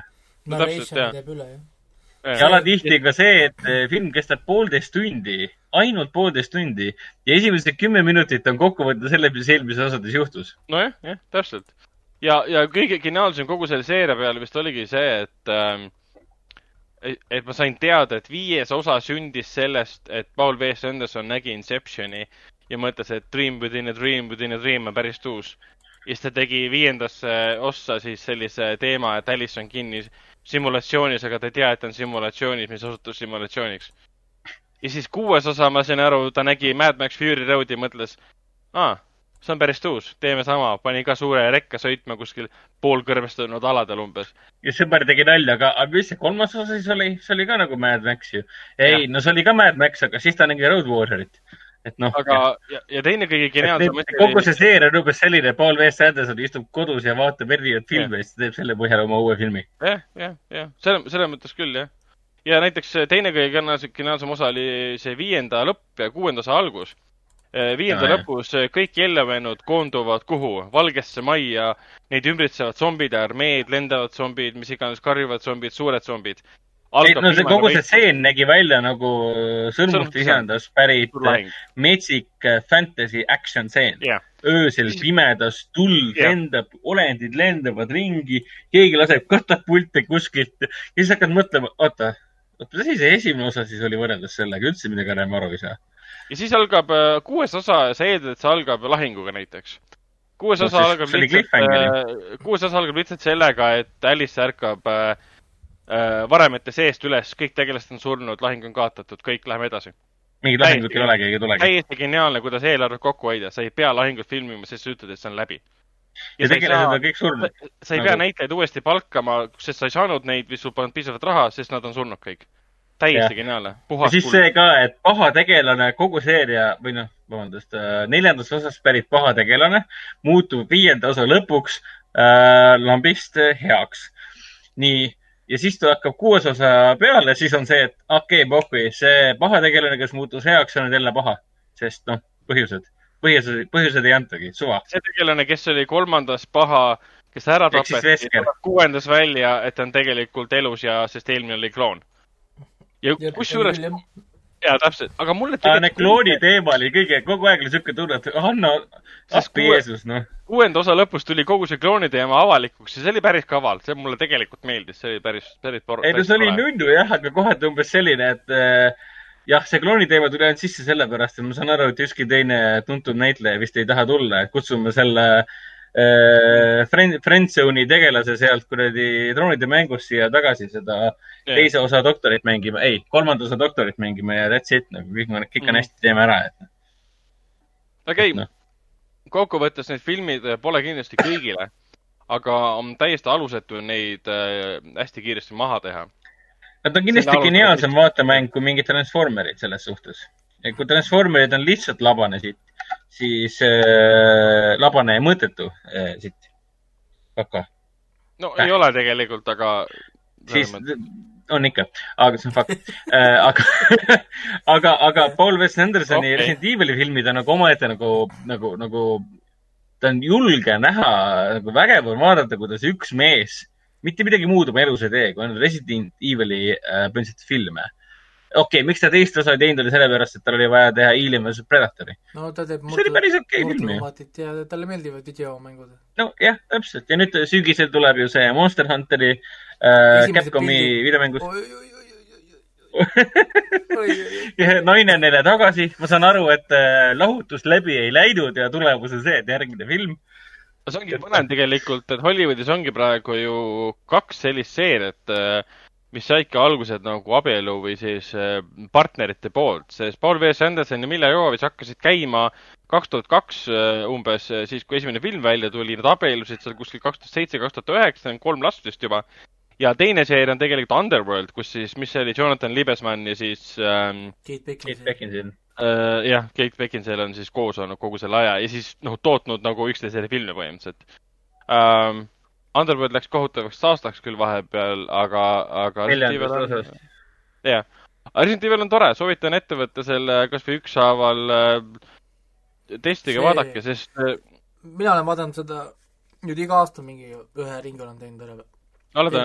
Wow. vaatasin ära ja nüüd mõtlesin suvel teen uuesti jälle ringi ta on selles mõttes äh, täpselt selline film, et äh, rahvas tuleb nagu külla, onju, mängite mm -hmm. ma ei tea, Mortal Combat või mingi kaks mängu on kuskil ekraani peal ja siis projektoriga las suured ekraanid kõlarites käib Resident Evil. noh, nii kaua kõik, kõik räägivad, söövad snäkki, kuni mingi dialoog on ja siis tuleb mingi battle scene või mingi action scene, siis kõik, oh, vaatame nüüd korraks seda, vaadake nüüd seda fight'i või oh, vaadake korra, vaadake nüüd seda. ja siis tuleb mingi hea tseen oota, kuule, meil läks üks fakt mööda, ta oli mitte Liibesmanniga koos, Len Wiseman oli ju Underworldi seeria alustaja. Jah, ja Len Wiseman ja Jonathan Liibesman läheb alati segamini, et yeah.. no ja eks nad mõlemad teevad geneeric rohkem filme nimega. Okei. Okay.. ma jäin korra lihtsalt vaatama, et kas te teate ka, mis on kõige madalamalt hinnatud nendest kuuest filmist või? Uh,? vist oligi uh,. ma tahaks öelda, et neli. Ma tahaks öelda teine osa. viies, viies osa. viies või? viies, no makes okay. sense no.. viies, viies siis on, siis on äh, kuues äh,, altpoolt siis teine, siis on Aha. äh, neljas, siis on teine, siis on kolmas, siis on esimene. okei okay,, mina ütleksin, kõige halvem neist oli kuues. sest see oli kõige halvemini monteeritud ja kõige igavama visuaalse look'iga ja ta oli kõige võib-olla sirgjoonelisem ja vähem äh, kuidagi ootus, ta oli rohkem ootuspärasem kui teised. mina ei saanud sellest aru, et äh, nii. seal oli vahepeal mingid lendavad teemonid ju. jah, jah. Ja. kuuenda osa algusest kakles nendega.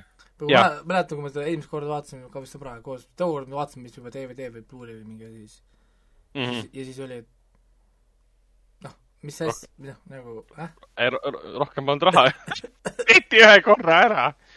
Viienda osa lõpus näidati ka paar tükki lendamas ja siis kuuenda osa alguses oli suur võitlus ja rohkem polnud, rohkem polnud mm -hmm. vaja. väga, väga huvitav.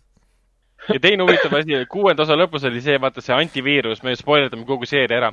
see antiviirus läks nagu avalikuks, hakkas levima ja seal oli umbes niimoodi, jäeti mulje, et antiviirus kohe momentaanselt hakkab õhus niimoodi levima, et see päästab kõik olukorra ära. mis nagu jäeti mulje, et aa, et siis õhupõhine antiviirus levib üle kogu kahe maailma. kahe sekundiga üle kogu maailma või mida te ajate nagu? selline mulje jäeti, aga see õnneks olukord päästeti ära sellega, et vaata, milla lõpus Alice lõpus sõidab mootorrattaga, ütleb, et viirus levib tegelikult üle kogu, antiviirus levib üle kogu maailma tegelikult mingi mitu kuud, minu töö pole veel läbi. kuigi see kuuenda lõpu twist, mis puudutas Alice'it ja kes ta tegelikult on äh,, oli minu jaoks nagu tohutu suur üllatus. no mingi, mis asja ei, see oli tore. mulle täitsa meeldis, mulle, mulle oli... see, mulle täitsa tore, et ma ei tahakski seda siin ära spoilerdada, kes pole veel kuuendat näinud. minu meelest oli see päris nunnu. oli mõnus seebikas, noh. sealt oli selgelt näha, et neil ei olnud äh, reisijal polnud õrna aimugi, et see jõuab seeria selline välja. et ta lihtsalt ühel hetkel kellelgi ei olnud mitte keegi no, no, no, no täpselt. Neil ei olnud pärast teist osa aimugi, mida nad teha saavad. peale teist osa vist oligi mina kuulsin filmides on nii, et see tuleb kinno homme või see tuleb mingi Blu-ray peale, ma ei tea, eile tuli aga nagu vahepealsed uudised või noh, nagu noh, kuidas, kust see film tuli nagu või noh, nagu millal see valmis tehti? ja, ja, ja siis oli küsimus ka see, et nagu miks see tuli oli tavaliselt. aga ei küsinud mitte keegi. aga samal ajal jälle noh, ei saa nagu seda ju, seda W.S. Anderson ei saa nagu kirjutada ka, et stuudiole tõi ikkagist kuradi miljard äh, dollarit sisse, et nemad on, nemad on rahul, sellepärast oma Monster Hunterit asju teha saabki.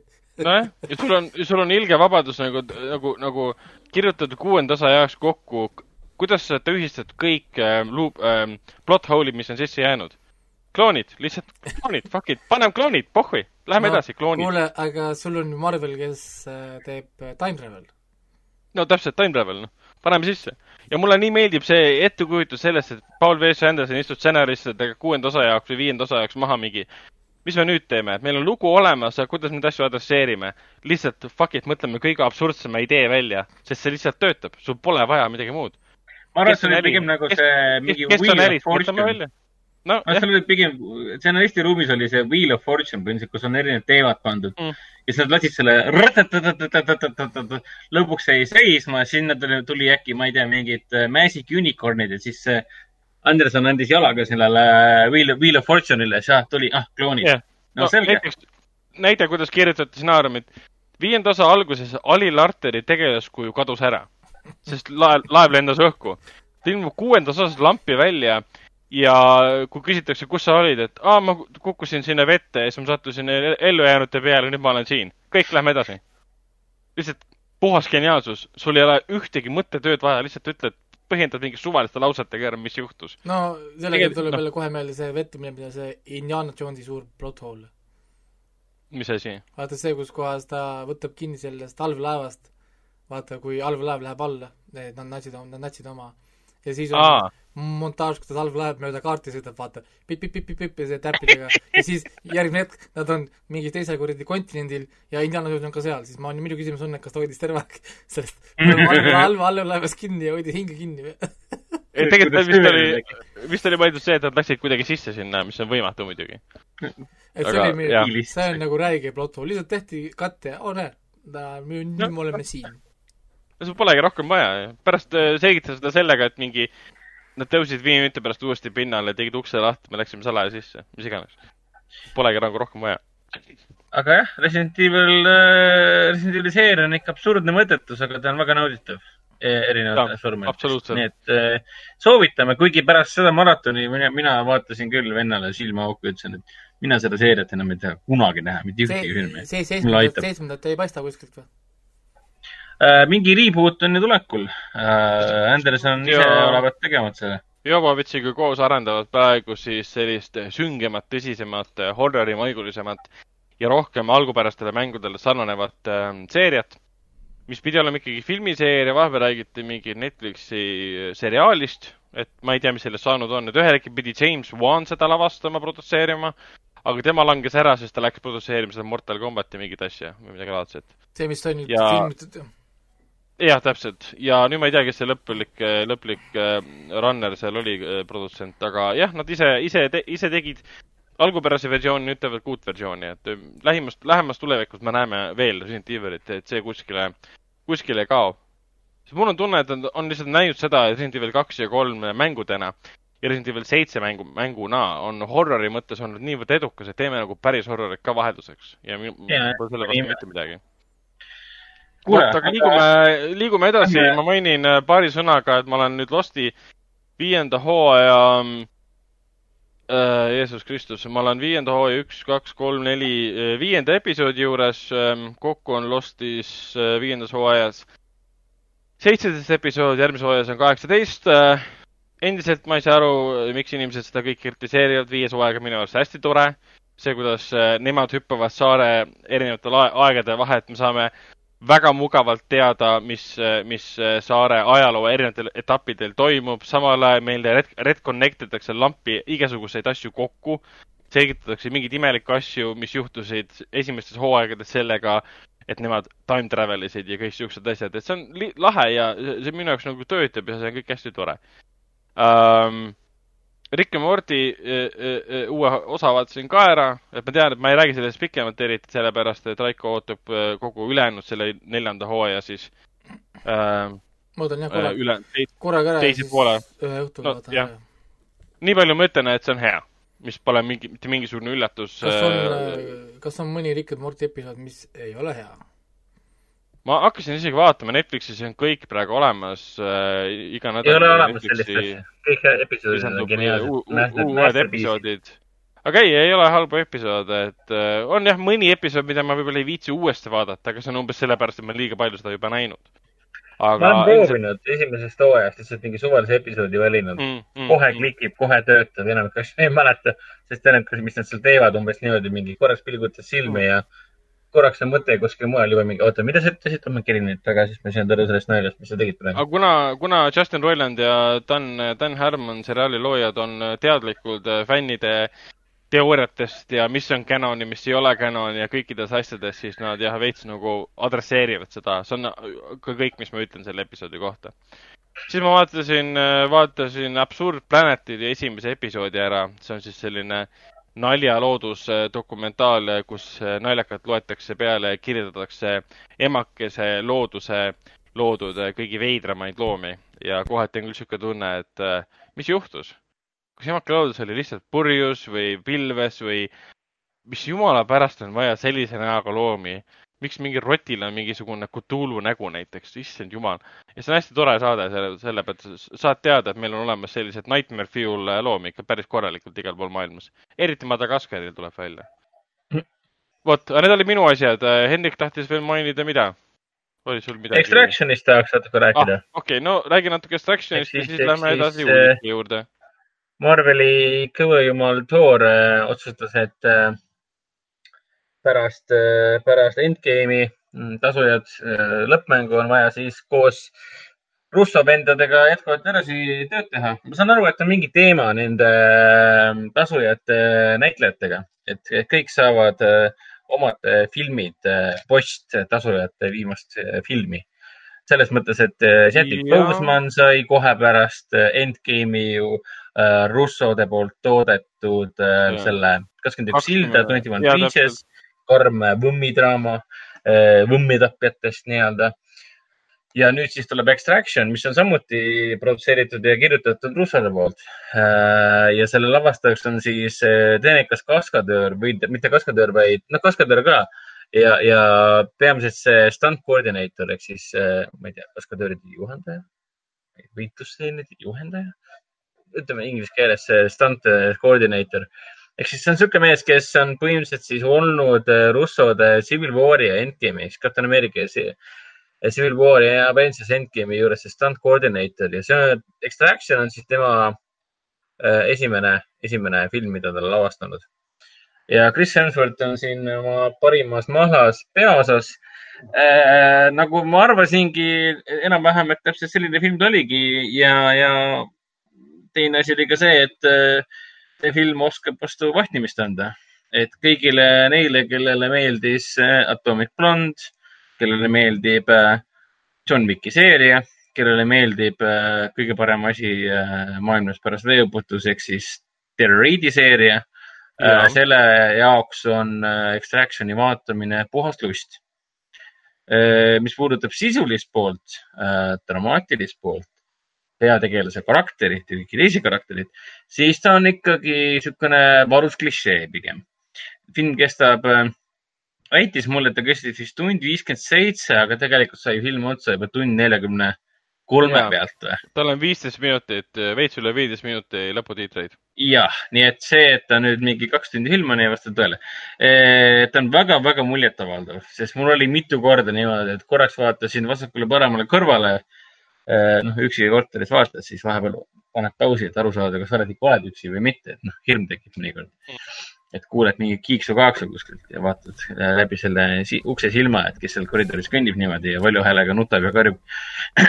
mitte, et seda oleks juhtunud. kes seal äh, kõnnib Sonis saalis, see on meie Lenin kallis.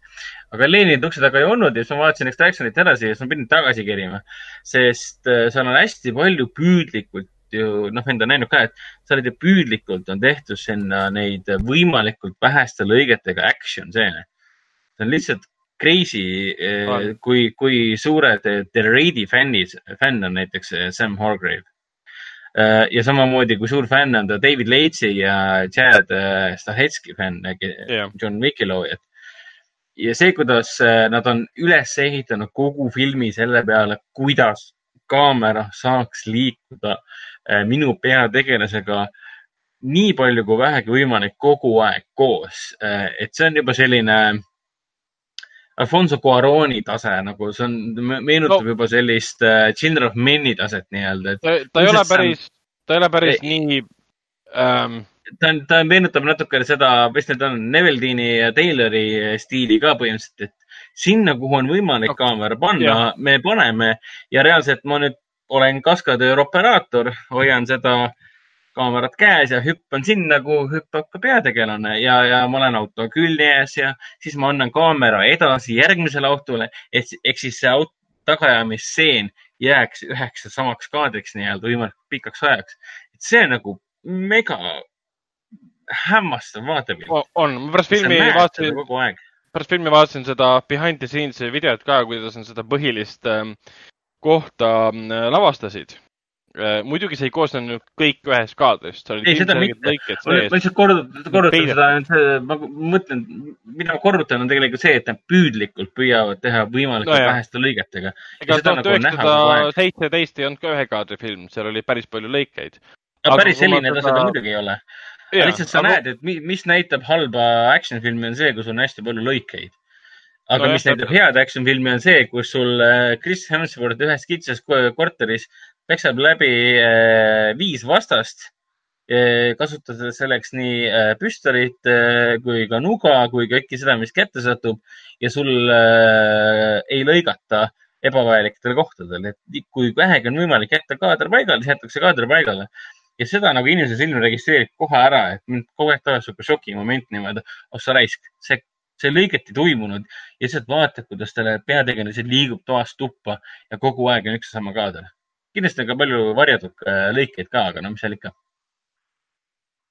Ähm, äh, efektiks on see antud juhul action ja, ja see kaameratöö ja see lõigete nii-öelda puudus on see film kohustuslik ja see osutus vahepeal siis ka ju, kui ma nüüd ei eksi, oligi Netflixi kõige parema äh, debüüdiga filmiks.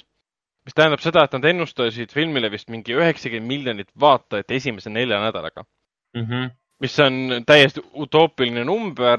Netflixi nagu seda teateid ei saa küll väga palju usaldada, sest nad alati mõtlevad ähm, statistika edasiandmiseks mingi uue loogika välja.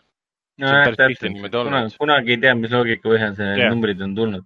aga jällegi, see on film, mis on nagu, mis on nagu täiesti nagu teadlikult välja kalkuleeritud, et aa, meil on koroonaaeg, laseme selle filmi välja, muidugi ta on edukas, muidugi vaatavad seda kõik seltskonnad koos, vanemad perekonnad koos. sest noh, Chris Hemsworth on ju täiesti noh, populaarsuse tipus.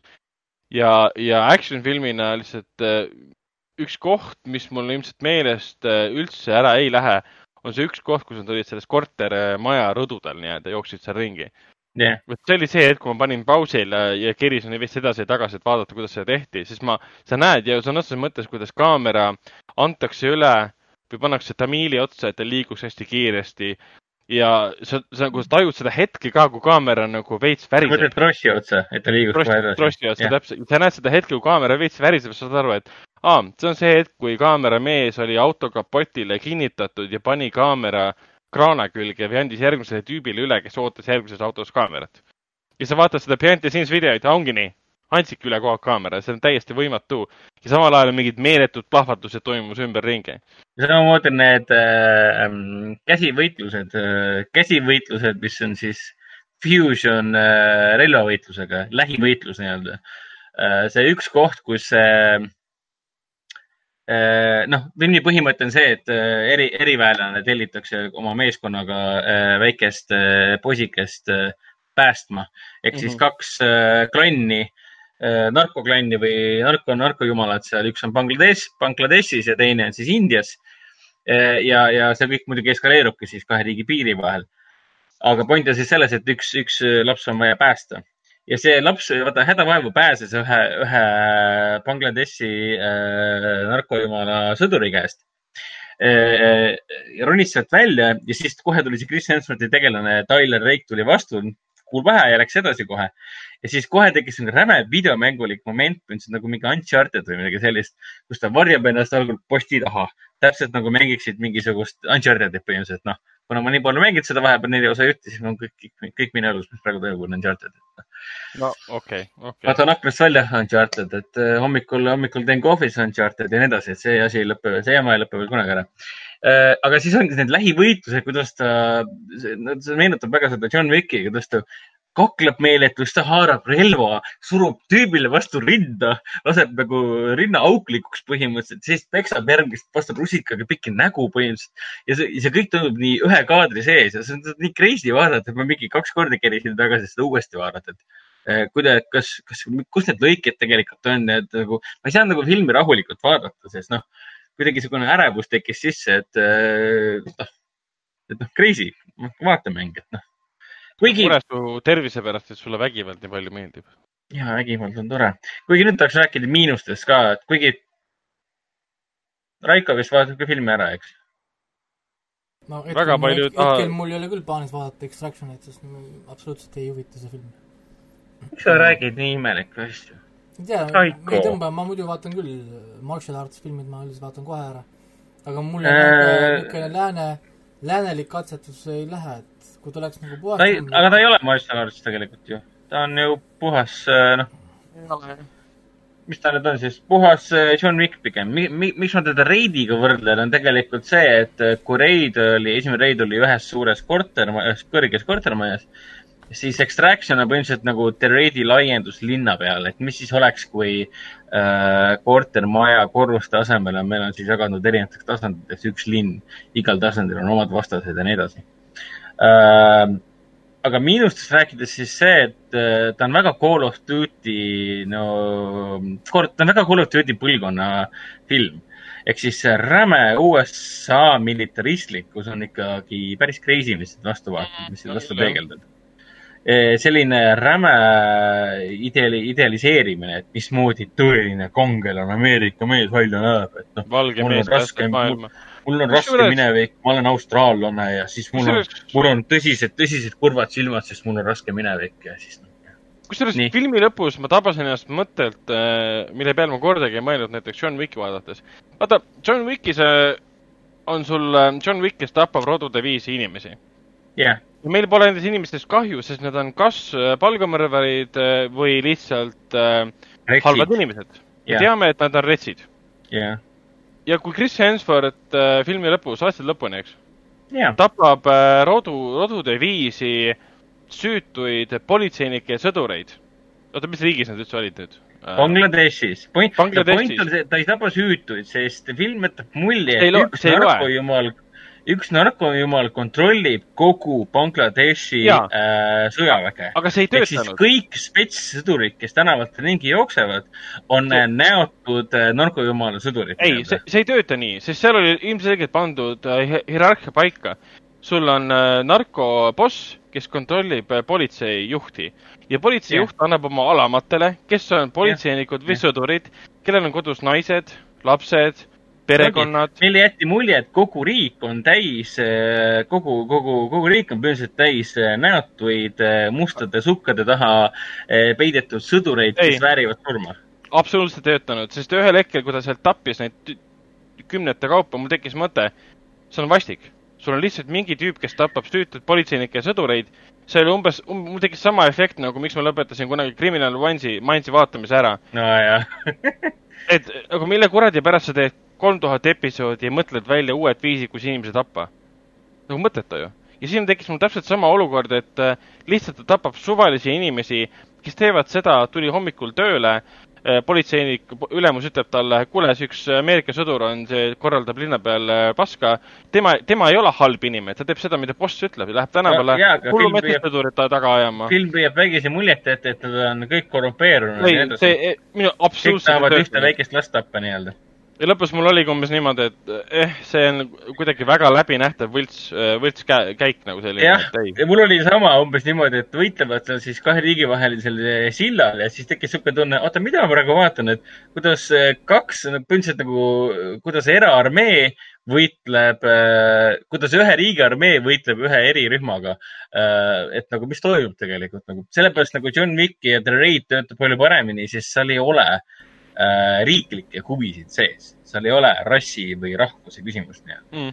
sul on lihtsalt mingi, mingi sõjajumal kuskil, mingi narkojumal kuskil, mingi, mingi äh, valgemõrtsukate jumal kuskil ja neil, neil on käsilased ja nad ja. on näotud ja neil, nad ei ole mitte keegi nii-öelda. aga meie kriitikast sõltumata teine osa sai rohelise tule, praegu nad teevad teist osa sellele ja vaatame, mis, mis elu toob aga liigume siitkohalt edasi uudiste juurde, võib-olla kõige huvitavam uudis on see, et ähm, Taika Waititi, reisijal, kes on meieni toonud näiteks äh, sellised filmid nagu ähm, What we do in no, the nii. shadows ähm,, Thor äh, Ragnarök ähm,, äh, see natsipoisi film, vaata. Jojo Rabbit. Jojo Rabbit, jah. täpselt. tema võttis siis vastu otsuse, või ütleme, võttis vastu siis Disney rahapaki et eh, ma teen järgmise Star Warsi filmi ja see on siis väidetavalt osa järgmisest Star Warsi triloogiast, mis pidi vist juba, kuupäevad on seni püsivad, aga kõik arvavad, et need kuupäevad kukuvad ära, aga hetkel vist kaks tuhat kakskümmend kaks, neli ja kuus vist on kirjas.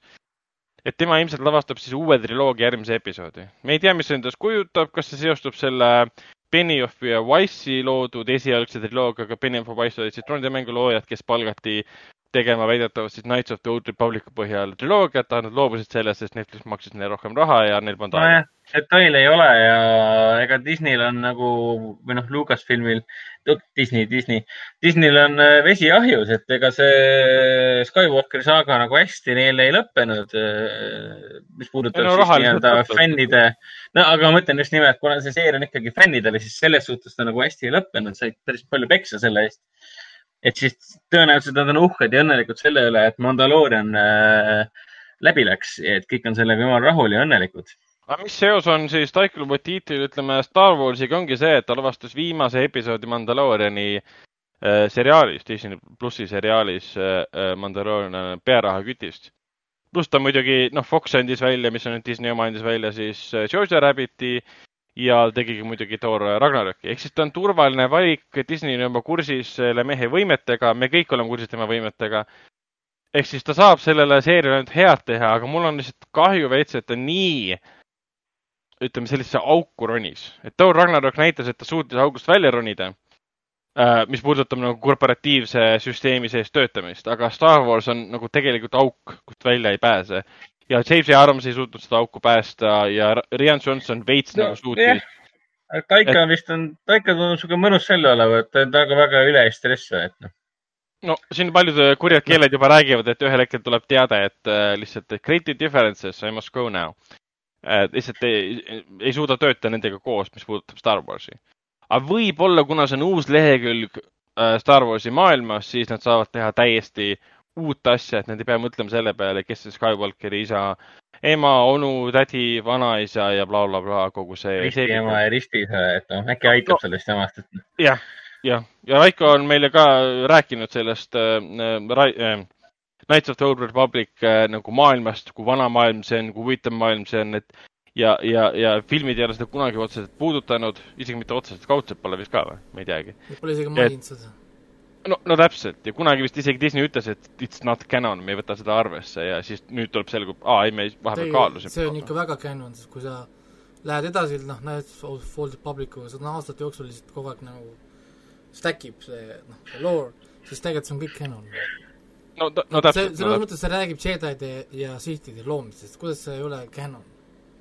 no jah. kuidas, kuidas see no. ei ole nagu canon, seletage mulle ära. oo oh,, meil on Darth Vader on Sith Lord, on ju, meil on kuradi Skywalker on Jedi, aga see, kuidas need tulid Jedi, see pole canon. no okei okay,, noh aga, aga ei, see on jah, praegult ka noh, ma soovitan ikka inimestele, et noh, muidugi raske soovitada filmi inimestele, kes on ainult Star Warsi filmi näinud, et mängi mõnda videomängu vaata, et oo, ma ei taha, et tee mulle film, on ju. aga jah, kui tegelikult äh, saab, siis äh, Steamis ja igal pool on praegu, ma, ma ei tea, kas nüüd peale seda Star Warsi päeva veel on, aga olid igal pool soodukalt ja Steamis on minu arust isegi kuuekümne euri eest saad osta terve selle Star, Star track bundle mis sisaldab siis Star Wars, äh, Star Wars äh, see Knights of the Old Republic, mõlemad mängud, esimene ja teine, sul on Battlefronti omad, sul oli vist see Star Wing seal.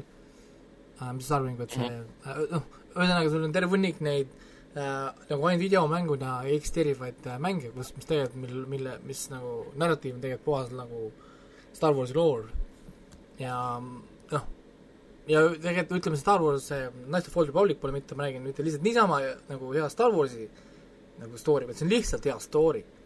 mida Star Warsi puhul ei saa kunagi öelda muidu, on ju. ja, ja noh, ta on ka lihtsalt hästi hea rollimäng ka, selles mõttes, et kui lihtsalt, lihtsalt meeldivad pikad ja head rollimängud, siis noh, jälle peaks seda nagu tegema. Ma olen üldse ime, imestanud, et siin remake'ide ajastul, kus iga asi on puh, puh, puh, uus remake, kus on äh, Knights of Old Republic. mis sellest on saanud nagu või noh nojah, see mäng on juba piisavalt vana, et ütleme, peletakse eemale uue põlvkonna äh, mänguhuvilisi, siis nad vaatavad, oh, see on kole ja vana ja aastast kaks tuhat, mis see oli, kuus või? see oli isegi vanem, vanem vist äkki isegi. Sest see oli ikka üks Xbox'i algusaegadel, see kaks tuhat kolm ma pakun, ma pärast peast ei tea mm,. tuli välja, jaa, kaks tuhat kolm. täitsa, täitsa õige, õige jutt vot, äh, aga liigume, liigume edasi, me vahepeal siin juba rääkisime sellest, et, äh, et Warner Brothers äh, kaalub siin veel, kas Tenet tuleb välja. sellest räägime siis rohkem, kui, kui selgub, kas ta tuleb siis välja või mitte. Vahepeal tuli selline pommuudis, et Spike Lee, kes siis võitis oma eelmise, eelmise, üle-eelmise aasta filmi äh, The Black Landsman eest äh, parima stsenaariumi Oscari. Äh, Äh, tema uus film äh, The Five Bloods, äh, kus siis mängib ühes peaosas Chadwick Boseman ehk siis Black Panther ja Jonathan Majors, Majors, kes oli The Last Black Man in San Franciscos, tuleb otse Netflixi ja juba siis kaheteistkümnendal juunil. et tal oli plaanis filmiga suvel välja tulla, aga Such are the Corona Times ja Spike Lee uus film tuleb otse Netflixi äh,. Läheme siit edasi, vahepeal tuli täiesti, täiesti seda nagu, nagu reklaamitud ka üldse või? et ma olen nagu kahe silma vahele jäänud, et ta üldse olemas on minu teada mitte, nad lõpetasid üsna kiiresti reklaamikampaania üldse ära, mis puudutas kinosid. Sest see on liigne raha kulutamine, sest kinodesse niikuinii ei saa filmi panna ka. juunikuus, no selge, siis on ikka päris kiire üleminek. jah aga vahepeal tuli väga huvitav äh, pommuudis hoopis teiselt äh, rindel. rindelt, mis puudutab äh, Äh, puudutab, puudutab Stephen Kingi sellist renessanssi, mis tal praegu käimas on, et igast raamatust tehakse film ja, ja võetakse ette üks tema, üks vanemaid, vanemaid filme, nii et on see, see Maisi lapsed, Children of the Corn. film aastast kaheksakümmend neli, mis siis põhines raamatul aastas, lühilool tähendab, aastast seitsekümmend seitse. sellest on praegu valmimas siis uus versioon ja tegelikult, kui võtta arvesse, ütleme kronoloogilises järjestuses, on üheteistkümnes film antud seerias. on nii palju või? Uh, Children of the Corn, siis on olemas The Final Sacrifice, Urban Harvest, The Gathering, Fields of Terror, Six Six Six, Isaac's Return, Revelation. ja siis aastal kaks tuhat üheksa juba tuli televisiooni jaoks tehtud esimese osa uus versioon ja siis tuli Genesis, siis tuli kaks tuhat kaheksateist tuli Runaway ja nüüd tuleb siis uh, uus uh, versioon, mida hetkel kuskil Austraalias filmiti. see tuli, uudis tuli avalikuks tänu sellele, et Hollywood Reporteris ilmus pikk lugu, kus räägiti koroonaajastu produktsioonidest ja kuidas nad hakkama saavad.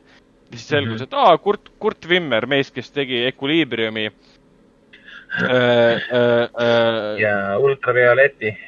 ultravioleti ja tal oli täpselt, mis oli kohutav film, aga, aga Equilibrium oli suurepärane film. on parasjagu filmimas, filmimas Children of the Corn'i uut versiooni. et äh, seda on oodata, me ei tea täpselt millal, aga võtted praegu käivad. ma pakun, pakun järgmisel aastal või siis sellisel pühade ajal, et viimane, ütleme, esimene film tuli välja, mis kuupäeval, kohe vaatame. märtsi poole, märtsi poole ikkagi. ega see esimene film, ega see esimene film ka otseselt mingi ülihea ei olnud. ta oli okei okay jah, et ta, ta minu teada ei ole ta selline film, äh, mille kohta öeldakse, et aa oh, jaa, see on muidugi umbes nagu Pet Sematary, mis on ikkagi no armastatud äh, kingi adaptatsioon, see esimene variant siis. et see mm., see, Silvester Korn nagu päris selline ei ole, mille kohta öeldakse, et ja, ja see on aegumatu kinoklassika nagu mingi Shining või midagi taolist. no esimeses filmis lõi kaasa näiteks Linda, Linda Hamilton uh, kaheksakümmend neli, oota, millal see teine või esimene Terminaator oli ka, esimene Terminaator oli ka kaheksakümmend neli, sama aasta, nice. et, et jah, sellised, sellised uudised, et vaatame, mis sellest, mis sellest saab. see on ka seeria, võiks ette võtta tegelikult. Terminaator on kolmkümmend kuus aastat vana tundub vana film. see on see, do you, do you, do you feel old yet? ei no lihtsalt korra selle Terminaatoriga tuli see meelde, et eh, eile oli uudis, et Mortal Combatisse tuleb Robocop ja see on see, see on see, seotud siis sellega, et uus Robocopi film on tulemas või uh,? on või? aa, on jaa tulemas, mingi reboot. jaa, see vist lubati teha. see on nüüd uh, kõige esimese filmi reboot. jah, oota, kes see lubas nüüd teha, Blomkamp lubas seda teha või? Neil, jah, Neil Blomkamp, äh, selle ametlik, mitteametlik pealkiri hetkel on Robocop Returns või? ei, ma ei saagi aru. kas oli järg esimesele filmile äkki oli või? Kas tegid uue järje esimesel filmil ja kui nüüd kustutavad nagu teised filmid kõik ära? ma mingi hetk kunagi kirjutasin selles mingi äh, niisuguse nupukese, aga ma nüüd ei suuda meenutada enam seda täpset sisu. Äh, põhimõtteliselt nad ütlesid, et teevad äh, Robocop kahe. okei okay,, jah, siis oli nii, oli hoopis niipidi. tehakse nagu teine osa uuesti niimoodi, et neid vanu variante enam ei eksisteeri. jah, põhimõtteliselt see on see tüüpiline ümberkirjutamine, et te, teist-kolmandat ei eksisteeri, et me teeme ümber lihtsalt ma ei tea, milleks see vajalik on. Blomkamp andis juba tegelikult kaks tuhat üheksa aasta augustis teada, et tema filmi enam ei lavasta, tema teeb mingit teist õudukat. mis asja? üheksateist või? jah, ja okay. filmi lavastamise võttis üle Abe Forsyth, Austraalia režissöör, kes äh, on äh, tuntud mitte ühegi filmi poolest aa ah,, ta, jah, ei ole jah no, ma ei tea ühtegi filmi, mis ta on teinud. äkki saab sellega siis oota, aga tal on tegelikult üks film küll, mis on päris kõvasti kiitust saanud. Äh, Abe lavastas viimasena siukse asja nagu Little Monsters, mille peaosas oli Lupita Nyong'o ja Josh Gad mängis ka seal. see on äh, musta huumoriga zombifilm väikestest lastest, kes oma lasteaia või laste, laste kasvatajaga peavad siis zombidega võitlema. ja, see pidi päris tore film olema ja see on jah, Robocop Return, see on selle nimi. ja Blomkamp oli seda omal ajal kommenteerinud umbes niimoodi, et nad teevad teise osa selles vaimus, et kui Paul Verhoeven oleks teinud ise teise osa. Jaa, aga sorry, teine, päris teine osa oligi väga äh, Verhoveni vaimus teine väga osa. väga okei okay film oli jah. ja, ja esimesed kolm osa ongi tegelikult ju kahe täpselt sama äh, tegelasega kuni lõpuni välja. et noh. no täpselt.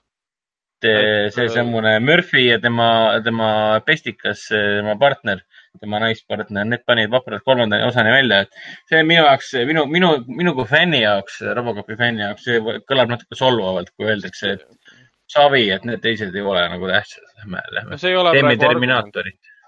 teeme sama... Halloweeni ja Terminaatorit jälle. ja täpselt ja see ei ole sama nagu Terminaator kolm ja neli ja viis, et unustame need ära, sellega ma olin nõus, need ei olnud nii head filmid uh,. okei okay,, kolmas oli okei okay. uh,, neljas ka tegelikult, viies oli see aasta võtan kõik oma sõnad tagasi. kuuendal pole enam midagi.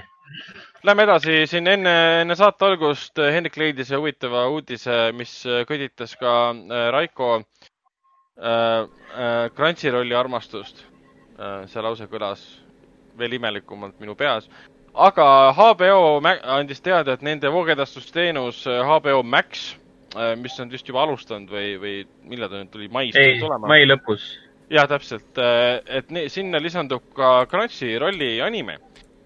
ja Raiko oskab võib-olla täpsemalt öelda no., mis, mis nad kokku endale ostsid äh,? see, ma saan, noh, nii palju, kui ma siit nüüd ennem jõudsin kiiresti guugeldada, siis tal oli see, et nad kohe saavad, seitseteist vist oli see, mul oli see lahti ka ennem siin kuskil, et mitte see, aga ähm, ühesõnaga, nad saavad alguses seitseteist seda niisugust suurt animet, mis Crunchyrollil on. Full Metal Alchemist on seal, on ju, Inspector näiteks, kõik äh, osad sa saad vaadata, Konosubat, sul on Berserk isegi, issand, sul on Berserk ka, see saad mm. Cabaneri, mis tegelikult täna on Netflixi oma. Äh, Netflix ostis ära Aa. Cabaneri ja tegi oma season one, mis on tegelikult season two, ehk siis see on tegelikult omaette huvitav story, peaks teile kunagi rääkima sellest. Äh, kuidas Crunchyroll ja Netflix on natukene tülis. siis äh, Kill, Kill la Kill tuleb neile sinna, ma vaatan. Uh,, Erased, terve Erased, ehk siis inimestel on vaadata, et oh juba uh, ja, ja näiteks üheksakümmend üks päeva on ju, siis töö, töö, töö, töö, aa, töö, see Testament of Sister, New Devil isegi läheb veel sinna. nii et ühesõnaga nad saavad äh, seitseteist äh, full äh, animet kohe. Ja siis jooksvalt, vastavalt sellele, kuidas siis Crunchyroll suudab oma need, nendel on noh, ühesõnaga mingi lepingute teema siin nende levitamistestega, kuidas nad saavad oma need lepingud, asjad ümber tehtud või regioonid asjad, siis nad hakkavad kõik jooksvalt HBO Maxi nüüd ka minema. kuid kuid mitte ükski Crunchyrolli original ei lähe HBO Maxi.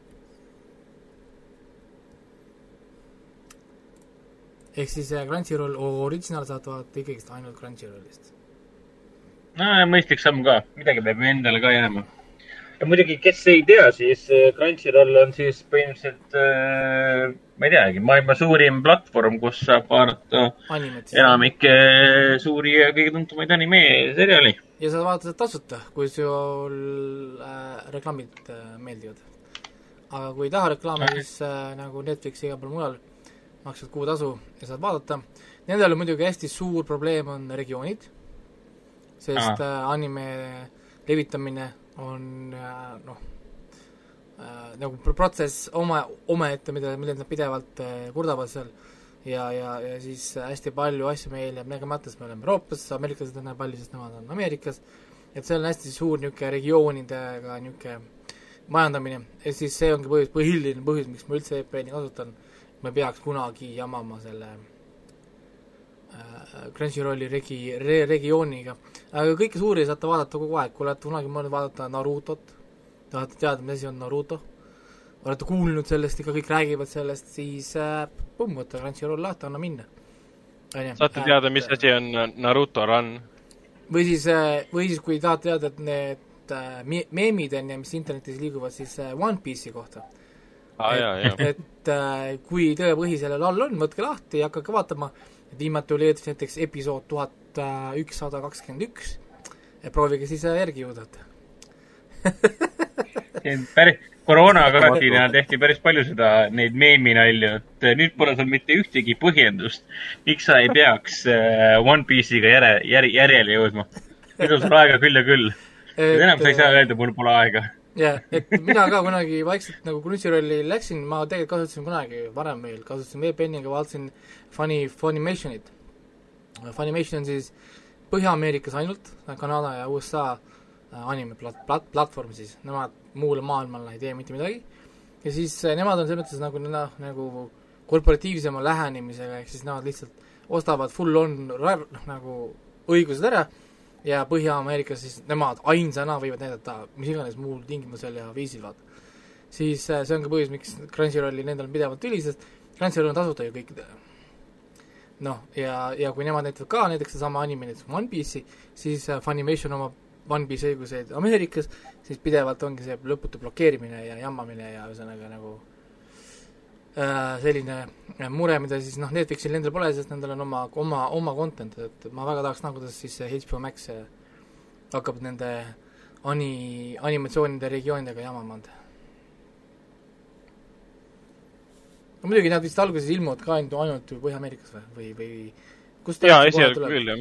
no ja siis, siis on selles mõttes Euroopast ei tule siis on kohe lihtsam neil ka, et neil on vaja ainult, ongi vaja seda Põhja-Ameerika osa ja mm. -hmm. Et aga muidugi väga huvitav, et nad andsid Cabaneeri, andsid HBO Maxile, mis tegelikult täna kuulub äh, Netflixile.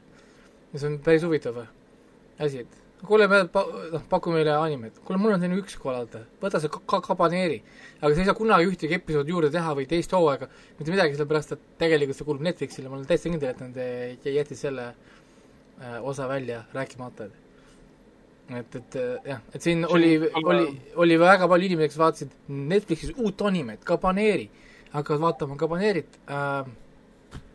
kas me peaks saama aru, kes need karakterid on või äh,? ei, sest see on tegelikult teine hooaeg esimene hooaeg on Crunchyrollis aga Netflix nimetab seda esimeseks hooaegs, sest ennem seda nende jaoks äh, asja polnud olema mm see on täitsa perversne, see on jumala segadusse aja inimesi no,. eemale pelekad. ajab segadusse, noh, et see on see, kuidas äh, asjad vahetuvad, noh. et äh, stuudio müüs, müüs, oli sunnitud maha seal müüma, sellega oli ka mingi tootmiste asjade story, siis oli see, et oli status sellel ajal, kui oli see stsenaristide äkki streik oli või? aga sa olid stsenaristid, ma mäletan, kunagi oli mingi streik, kas stsenaristid või keegi kuskil üle, üle, ülemaailmne mingi stsenaristide gildi äh, streik oli äkki, äkki mingi, mingi asi, asi, asi oli siis selle tõttu mingid asjad jäid kuskil kellegi seisma ja kellelgi said rahad otsa ühesõnaga ja ja läks ära, sest Cabaneri oli räigelt, räigelt suur asi, kui see tuli, esimene hooaeg kõik kiitsid, see oli see on vägev asi, kui, kui, äh, kui teile meeldib Train to äh,, Train to Busan, teile meeldib äh, Snowpiercer, boom, Cabaneri. et full on train action äh,, mitte zombid, aga ühed muud olendid, ma ei nimeta, kes. ja see on jõhker, et ma mäletan, mul üks sõber vaatas ära, ta ütles, kas sa oled näinud Cabanerit? ma ütlesin, muidugi olen näinud, nagu noh, see oli esimene asi kohe, kui tuli, et noh, ma mäletan, kui seda müüdi, seda Cabanerit ka, tuli selline treiler vist oli, esimene treiler oli, kui oli, oli kus kohas, et et Snowpierceriga võrreldigi kõige rohkem, et Snowpiercer. et väga, väga niisugune huvitav äh, asi, et äh, Cabanerid Iron Fortress vist on see täis nimi, see Iron Fortress vihjab siis sellele rongile mis mis, mis siis ka ei tohi seisma jääda, võib-olla mingil põhjusel, kes see teab. aga jah, nüüd HBO Max, siis ma ei teagi isegi, päris palju on olnud HBO Maxi neid uudiseid, kuidas nad hordivad content'i endale kokku, noh nagu umbes, et Neil on seda vaja ilmselgelt, et selle enda, enda sisust äh, esialgu ei piisa. oleks sellist vaheldus, äh, vaheldusrikkust, millega inimesi püüda. et siin just hiljuti oli uudis seoses aa, selle Quibiga, et Quibi kaotab mingi pool miljardit dollarit umbes äh,. siin Disney plussi uudis oli, et see ületas mingi rekordite arvu ar,, rekordise arvu kasutajaid või midagi laadset. Nad jõudsid jah mingi kahesaja viiekümneni või kakssada või mingi, mingi päris crazy number oli nende, mis yeah. Disney pluss sai juba kätte. mis on noh, nagu päris, päris crazy. Netflixil peaks ka kohe tulema mingi epiline number seal, nelisada, viissada miljonit, mingi debiili numbrit. Äh, see oli siis äh, üks päev tagasi uudis, et Disney pluss ületas siis viiskümmend neli koma viis miljonit kasutajat. ja, ja see oli see oma ja, ja neil oli see teine uudis oli vist see vaadatud tundidega oli vist. ja, ja midagi taolist, jah. okei okay,, see, mul jäi kuskilt meelde, et neil oli mingisugune kakssada midagi, äkki oli siis kakssada miljardit tundi või mingi, eriti mingi täiesti lõpp lihtsalt. mingi crazy, mingi kosmiline number, mis nagu noh, no need numbrid kõik võimenduvad praegu tänu, tänu koroonale ja sellega, et kõik istuvad kodus ja vaatavad seda, mis on kõige mugavam no.. nojah, kui sa oled Ameerikas, sul on lapsed ka, siis sul on ju full Disney content, anda neile nende omas keeles. ma ostaks kohe no, Disney, kui nad tuleks mulle Eestisse ja antakse Eesti dublaažiga kogu Disney content mulle ette, easy. absoluutselt. nagu noh, kolmkümmend viis euri kuus, pohh või. noh, miks ma peaks neile seda võtma lõputult Disney content'i ainult nagu vaata, ilus 4K streaming. no aga me ei saa seda kunagi, sest noh äh,, kes hakkaks dubleerima seda Disney library't eesti keelde, noh. et, et äh, see oleks päris crazy. Star Warsi filmid eestikeelse dublaažiga. see on päris huvitav tegelikult, see oleks päris seda ma vaataks, seda ma vaataks see oleks päris kihvt. issand jumal, päris õudne oleks Luke ma olen sinu isa. ei, ei, ei, mina olen sinu issi, mingi ei, eip. ei ole. eip kukub alla. see on see, ei ole.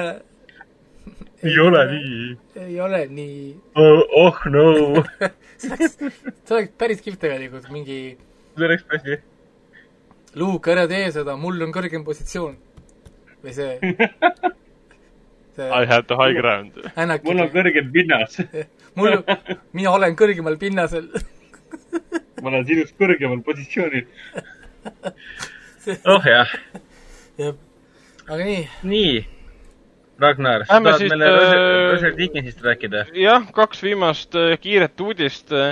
nimelt äh, Roger Dickens, maailma parim filmioperaator, kes on näiteks võtnud üles vendade Cohenite No Country for Old Man'i, The Lady Killersi, ta võttis üles ka siis Andy Dominicu The Assassination of Jesse James by the Coward Robert Ford, vendis vendade Cohenit Serious Mani üles, True Griti üles, võttis äh, Skyfalli üles, mis on siis muidugi Bondi film, võttis Sicario üles, Blade Runner kaks tuhat nelikümmend üheksa, viimati tuhat üheksasada seitseteist.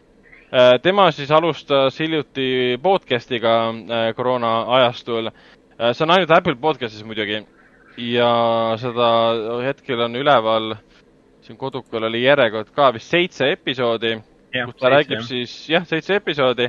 no ta on hästi huvitav, ma esimest episoodi kuulasin natukene puhtalt sellepärast, et tema ja tema siis ähm, äh, kaasabiline, kaastöötaja, kellega ta on korduvalt koos töötanud, James Deakings, äh, räägivad siis äh, operaatoritöödest, filmitööstusest, filmibusinessist ja küsimustest äh, arutavad küsimusi, mida nad Ka, neile nagu kaasabiline, kas, kas nad ei ole siis omavahel sugulased? siin ei ole otseselt kirjas, nii et ma, ma ei tea, kas ta on tema, tema nüüd, kas James Deakins on tema vend või, või, või poeg või, või kes ta olla võib. Et kui sa tahad, sa võid seda veits guugeldada, et mis on, what's the relation between siin on jah kirjas, äh, et James... ma ainult loen ka, et colleague and collaborator ja täpselt mm -hmm. jah, mhm. et siin ma olengi nagu segaduses. Dickens ei pruugi olla nii harukordne perekonnanimi ka. aga tasub kuulata, kui tunnete huvi, mida, mis, mis, milline on äh, Hollywoodi see on tegelikult te... nii? oota, mis asja, mis ta nimi on? James uh, Dickens või? James Ellis yeah, Dickens. Aa, ta nimi, ta nimi on tegelikult äh, Isabella James, see on tema naine. aa see on tema abikaasa. aga miks ta juba Apple podcast'is kirjas Jamesina on? ta ongi, sellepärast ta nimi ongi James uh,, James Deakins uh,. aga tegelikult täisnimi on Isabella. Vau. Sa, võib küll see on tema teine nimi lihtsalt, Isabella on... James Purefoy Ellis. on jah ta... Isabella James. Purefoy yeah. Ellis, ehk siis ta nimi on James, keegi pani oma lapsele nimeks James, tütrele pani nimeks James no teine nimi on James selles suhtes. väga kaval, väga kaval. nojah, et äh, ju siis professionaalsel tasandil on ta tuntud kui James Dinkins uh, for whatever reasons. tema täisnimi on siis Isabella James Purefoy Ellis, abiellusid üheksakümmend üks. no selge. huvitav, et ei ütle wife, et ütleb collaborator ja colleague. no jah. väga huvitav viis nagu,. ilmselgelt ajab segadusse aga eks seal on omad põhjused, et jah. selles mõttes tasub kindlasti kuulata, mida on Dickinsil öelda, sest see on lihtsalt äh, suurepärase, suurepärase operaatori nägemus filmi, filmitööstusest. Viimase uudisena, äh, kui te mäletate sellist äh, Netflixi filmi nagu Bright, mille ja. lavastas David Ayer pärast seda, kui see kukkus kolinal läbi, noh loominguliselt Kriitik, kriitikute silmis. loominguliselt ja kriitiliselt kukkus läbi filmiga Bright, äh, selle äh, Suicide, Suicide Squad, Suicide'is algtisti ah, film yeah.. siis ta tegi Netflixi jaoks Brighti, mis osutus Netflixi jaoks väga-väga edukaks. Kriitikutele see üldse ei meeldinud, aga Aier ütles selle kohta, et ta sai lõpuks vabaduse lavastada filmi nii, nagu ta tahab, mitte nii, nagu mingi suur stuudio, nagu siis Warner Brothers või DC tahab. Äh, küll aga ta ei naase teise osa jaoks, sest ähm, teist osa lavastab hoopis Louis, äh, Louis Leterrier, keda me teame enamjaolt kui, äh, kui ähm, The Incredible Hulki režissöörina. ja Hulk, mees, kes pani aluse Transporteri seeriale ja seisnes tema karjäärile jah, ja Incredible Hulk oli siis see, see Marveli film, mis on sügavalt ära unustatud, kus siis Edward Norton mängis Aa, Bruce, Bruce Bannerit. tavaline vist oli Hulk või? kas oli see, mis, mis see nimi oli? Äh, Eric Bana. Erik Bana. Erik Bana oli, tema oli lihtsalt Hulk lihtsalt oli. jaa, see oli lihtsalt Hulk ja siis oli Incredible Hulk ja ja, ja see on ainsad tegelikult äh, Hulki filmid üldse Marveli alt niimoodi lähitule-, lähiminevikus olnud. seal olid ju mingid ju nalja, naljad ka selle kohta ju, et miks ei saanud Edward Norton üldse Hulkina Marveli universum, universumisse. et miks, miks, miks, miks, miks, miks võeti Mark? ma ei teagi tegelikult, või noh, võib-olla kunagi teadsin, aga et see, et see tuli sellest, ma vaatasin seda Comedy Centrali roast'i, kellegi roast oli, äkki see oli selle Bruce Willise roast oli või? äkki. Edward Norton, mis käis ka. Ja siis teda, teda ka roast iti, et temaga võimatu koostööd teha. Edwardiga või? jaa, et, et ta pidi olema mingi räige douchebag ja tõbras ja, ja ühesõnaga keegi seda ja salli, et sellepärast sina oled täna siin ja Mark Ruffalo ei jõua oma neid äh, dollareid kuskile paigutada no räägiti küll tegelikult jah, see liikus päris palju, et Norton äh, nõudis hästi palju stuudiolt ja reisijalt ja rollilt. Tegi sellest hästi suure no Norton oli ju aastaks kaks tuhat kaheksa ikkagi väga, väga tuntud ja väga nõutud näitleja ja ta oli ka tõsise draama näitlejana tuntud. et mõni ime, et ta hakkas äh, nõudma nojah, ta kadus, kadus päris kiiresti muidugi jah, meie hulgast äh, näitlejana, ütleme, suuremate rollide poolest ära, et tal viimane film oli see Motherless Brooklyn, mille ta lavastas. Äh, ja varsti näeme teda ka siis, sügisel näeme teda siis Wes Andersoni uues filmis äh, The French Dispatch. tal oli muidugi ka suurepärane miniroll filmis, filmis Alita Battle Angel, kus ta nägi välja nagu James Cameron oli või? oli jaa, filmi kõige lõpus, ta, ta mängis seda Novat seal. jah, vaatas ülevalt alla, nägi välja nagu Alita näitas seal, tegi motorpooli ära ja siis Alita näitas oma mõõgaga sinna taeva poole ja siis see blondi, blondi tukaga äh, prillide taha peitunud äh, Edward Norton vaatas äh, üleoleva äh, naeratusega alla, et seda, seda üldse ei märganud. see on hästi lühike seeni kaadrikene jaa, aga see oli Edward Norton, ehk siis ehk siis noh, James Cameron leidis viisi, kuidas ennast näitlejaks teha ja ta võttis selleks Edward Nortoni. kusjuures äh, fännid siiamaani nõuavad ja teevad siin petitsioone, et Alita teine osa tuleks ka ikka, et äh, ja, ja, see on kõik tõenäoliselt James Cameroni taga, et tal pole lihtsalt aega oma raha sinna alla panna, et äh, ta hetkel ju filmi no, tal on vaja need kõik kuus tuhat, kuus tuhat avatari filmi ära teha, et sellest vahepeal lekkisid see on ju ka veel ju teemas, avatar. jaa, täpselt sellest lekkisid vahepeal ju pildid ka, kuidas ta võtetel juhendab äh, tohutu suure nii-öelda basseini äh, sisse ehitatud äh, tänkis nii-öelda näitlejaid, enne kui nad lähevad vee alla. Ja vee peale mm -hmm. oli pandud siuksed valged ümarad mingist materjalist, pehmest materjalist asjad, mis katavad veepinna niimoodi ära, et päiksevalgus või siis ruumivalgus ei tuleks sinna sisse, sest see rikub ära motion capture kaamerat, mis on vee all. ehk siis tüüp teeb motion capture work'i vee all näitlejatega. ehk siis need jutud, et Avatar kaks leiab aset Pandora äh, ookeanites, vastab tõele. ehk siis me näeme päriselt vee all filmitud filmi, mis on üles võetud motion capture kaameratega ja omakorda nad on muudetud siis sinisteks naavideks. mis, mis eelarvad, et filmidel on siis? mingi kakssada, kakssada viiskümmend jälle, et et ja teine osa tal on nüüd äh, väidetavalt on äh, mingil kujul juba valmis ja kolmandat nad väidetavalt juba prep ivad või ta on ka juba mingil kujul valmis, et neid tehti back to back, kui ma ei eksi. aga lihtsalt, kui Fox, Disney Foxi ära ostis, siis Disney pani veits pidurit. ütles, et tehke kõigepealt nagu üks film valmis ja vaatame, kuidas see läheb ja siis läheme edasi, mitte niimoodi, et green light ime kõik neli filmi ja siis vaatame, mis juhtub um,. kuigi ma olen täiesti veendunud, kui Avatari kaks välja tuleb, see purustab kõik rekordid sest miskipärast see on väga populaarne. ma ei tea, kas ta enam saab, siin on ikkagist nii suured numbrid ees olnud, et kas ta jõuab selle Avengeride mingi paari, kahe-kolme miljardini või palju see kokku lükkas, kahtlen. tõsi, tõsi, aga see on nii naljakas selle koha pealt, et Avengersitel oli vaja mingi kümme filmi, kümme aastat, mitte kümme filmi, kakskümmend kaks filmi ja, ja, või kakskümmend kolm filmi ja kümme aastat, et saada seda numbrit kätte uh,. James Cameronil oli vaja ühte filmi äh, ja sai miljardi. jaa, aga see oli millal? kaks tuhat üheksa või? noh, numbrite vahe on meeletu ja see numbrite vahe on tegelikult väga, väga oluline ka ju. James Cameron ja. oli ju James Cameron aastal kaks tuhat üheksa. Ta oli selleks ajaks seda avatari arendanud, see on mingi neli aastat juba teinud seda. no tegelikult. see oli tema suur comeback ka veel pärast pikki-pikki aastaid äh, filmi no,, olnud... filmi režissööri eemalolekust veel, et noh. see oli ju Cameroni esimene film pärast äh, Titanicut, kui ma ei eksi. jah uh,, vist oli jah, nii jah.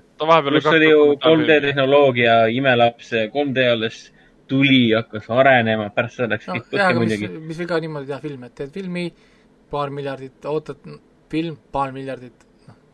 no täpselt, et sa võidki kümme aastat ootada või kakskümmend aastat ootada, sest sa teenisid kaks koma seitsekümmend üheksa miljardit ja, ja, ja istud selle hunniku otsas ja teed, mis tahad, käid kuskil Mariani süvikus filmimas 3D kaameratega ja, ja, ja mis iganes tood ja mingi. Cameronile meeldib rohkem kuskil seal äh, ookeani sügavi, sügavikus kullata äh, kui, kui, kui filme teha, et ta teeb ühe filmi ära kümne aasta jooksul, üheteist aasta jooksul ehk siis ta äh, investeerib oma tulevikku, et ta teenib raha lihtsalt jooksvalt ja et no, siis, ehk siis, ehk siis rahastada oma, oma sügavikes käike. ta rahastab oma hobi jah sellega, et yeah., et talle meeldib. mees mõistab, kuidas kasutada. meeldivad vee all jah, siis ta otsib, kuidas teha filme vee all. kuulge, teeme, teeme selle avatari teise osa äh, vee all, Pandora ookeanides. sobib.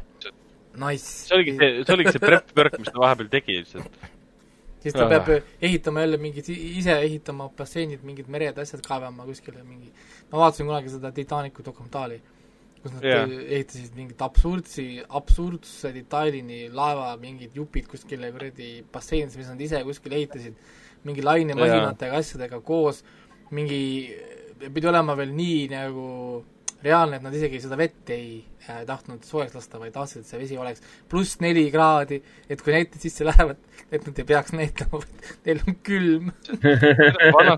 Kuidas vanasti filme tehti, sa ehitasid tohutu suure maketi valmis, okei okay,, pool sellest, teine pool ei olnud reaalne, seal olid mingid tellingud lased selle vette mitu korda, ehitad uuesti üles, tänapäeval on lihtsalt see, et let's do it on, on, on CGI kompuuter. ei no tänapäeval on see, et piisab äh, rohelisest äh, mäest, et olla mäe otsas ja on kõik. piisab sellest no. äh,, see, mis siin taga on.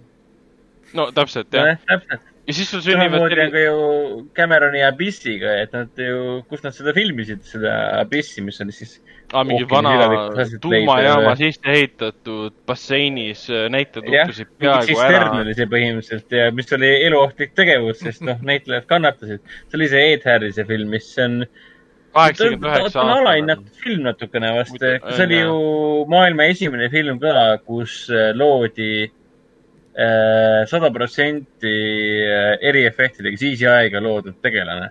Ehk siis see vee, vee-efekt põhimõtteliselt. vee-efekt, jah, jah, täpselt. et noh, pioneer on pioneer, teed kord, kord kümnendite filmi ja kohe mingi vau wow,, tehnoloogia on edasi arenenud. nojah, nüüd kui tulevad mingid avatarid välja, ega selles mõttes, noh, mingi miljard ta lükkab, lükkab, lükkab, lükkab ikka ära filmiga. no vast ikka, kuigi ma nagu enam ei näe seda, et kui on nii palju aastaid möödas, ma, ma lihtsalt ei mõistaks Äh, kust enam see huvi tuleks. jaa, aga kust see huvi tuli esimene kord? Täpselt, kas see oli see marketing, mis selle taga oli või? ma arvan küll, sest noh, kui sa oled ikka James Cameron ja sa oled ava-, selle Titanicu ära teinud ja sa tuled, annad nüüd teada, et jõu, ma tulen, ma olen Terminaator kahe ja, ja Titanicu lavastaja, ma nüüd teen oma järgmise filmi ja see on uuel planeedil ja, ja, ja 3D tehnoloogia ja kõik on mingi sada protsenti CGI-ga loodud, siis loomulikult rahvas mingi okei okay,, ma, kas tahad kohe mu rahakotti või annan sulle pärast seansi või noh, seansi ajal või annan sulle kogu rahakoti või ainult natukene aga miks nad, seda, miks nad ei või seda nüüd uuesti teha? no täpselt, see oli nii kummaline film ka, et sul oli Sam Worthington peaosas, kes see üldse oli? see, nagu keegi ei teadnud, keegi ei teadnud, kes on Sam Worthington toona. ja ta tõestas seda, et sa võid filmi tulla vaatama, mitte näitleja, vaid efekti ega, ega väga palju ei muut-, ei ole muutunud ju, jätkuvalt keegi ei tea, kes on Sam Worthington au oh., kuigi mulle Sammikene väga meeldib tegelikult. tal oli see, miski, mis tal oli see veider film ju, see Attack on Titans, ei. ah, Titan oli. Clash of the Titans ja Wrath of the Titans. ei, tal oli see lihtsalt Titan oli ka. Titan vist oli ka veel, jah. aa, Titan see. oli ka, ja, ja see, tal oli see veider, kus ta ise muutus mingisuguseks kuradi äh, tulnukaks vist. oli, oli, oli, jaa aga ta oli mingi, oli mingi. Fractured või mis ta on? jaa, see on hea film, seda ma soovitan kindlasti seus, vaadata. seosidega või kus ta oli, Attacking the Titans või ma ei mäleta seda nime. mingi veider film oli. ja tal on äh, selline film ka nagu Manhunt uh, Unabomber äh, Netflixis uh,, kus ta ajab taga Unabomberit. see on päris Unabomberist või? see on väga hea asi, kuulge, see pole üldse tähendab, see seriaal tähendab siis jah ja,, ma ajasin segamini. seda on ainult üks, üks hooaeg kahjuks. on hea, jah? See on väga hea asi, see on üks nendest, mida ma tavaliselt soovitan, kui inimestele meeldib olla Hannibal, siis ma ütlen, vaata Mindhunter, vaata Unabomber. aa, okei okay,, okei okay., siis ma võtan, võtan ka selle ette, sest oleks häbi Sam'i mitte toetada tema, tema rasketel aegadel, kus keegi teda enam ei mäleta. oota, Sam'il oli veel üks film ju, tegelikult tal oli üks see Netflixi film veel vist ju. kus ta jah, see Fractured. Fractured ja, ja kus tal oli see mälu, mälukaotus, et ta arvas, et ta tütar või on kuidagi röövitud. Mulle see tõesti meeldis, seda ma, seda see, ma soovitan. mina mäletan, see mind häiris see puänt, et nad magasid maha nii hea võimaluse teha nii hea puänt ja nad äh, fail isid jah, võib ka nii öelda, mulle meeldis selle filmi lõpp, sest ta läks vastu igasuguseid ootuseid eh, hoopis eh, selles suunas. sest ma olin kogu aeg algusest peale veendunud, et ma tean, mis filmis toimub. ja ühel hetkel ta mängiski selle peale välja, et ma tean, mis toimub, kuni selle hetkeni, et ma tegin sulle väikse pöörde, väikse vimka, et uu, jah. Vot, aga lähme siit edasi soovituste juurde. Netflixis äh, Afterlife äh, teine hooaeg alustas, esimest hooaega just Hendrik äh, saate alguses ka kiitis ähm,. Dead to me teine hooaeg alustab nüüd reedel saate ilmumise siis päeval, see on siis see Christina Applegate'i ja äh, see naisnäitleja, kes mängis selles Green Bookis seda, seda Viggo Mortensoni naist, noh. Linda Cardellini, kuule. Linda, Linda Cardellini. võta kokku ennast nüüd. ja, ja. Linda Space... Cardellini on rahvuslik haare. no täpselt ja siis, äh, siis äh, Extraction on olemas endiselt ja reedel alustab ka siis äh, Damien Chazelle uus miniseriaal, esimene miniseriaal tegelikult siis The Eddie, mis jätkab siis Chazelle'i armastust muusika vastu. Esimest korda vaatasin äh, treilerit ja tundus ah. äh, väga äge. kuule, aga meenuta mulle, kus ma The Eddie peategelast äh, olen äh, varem näinud?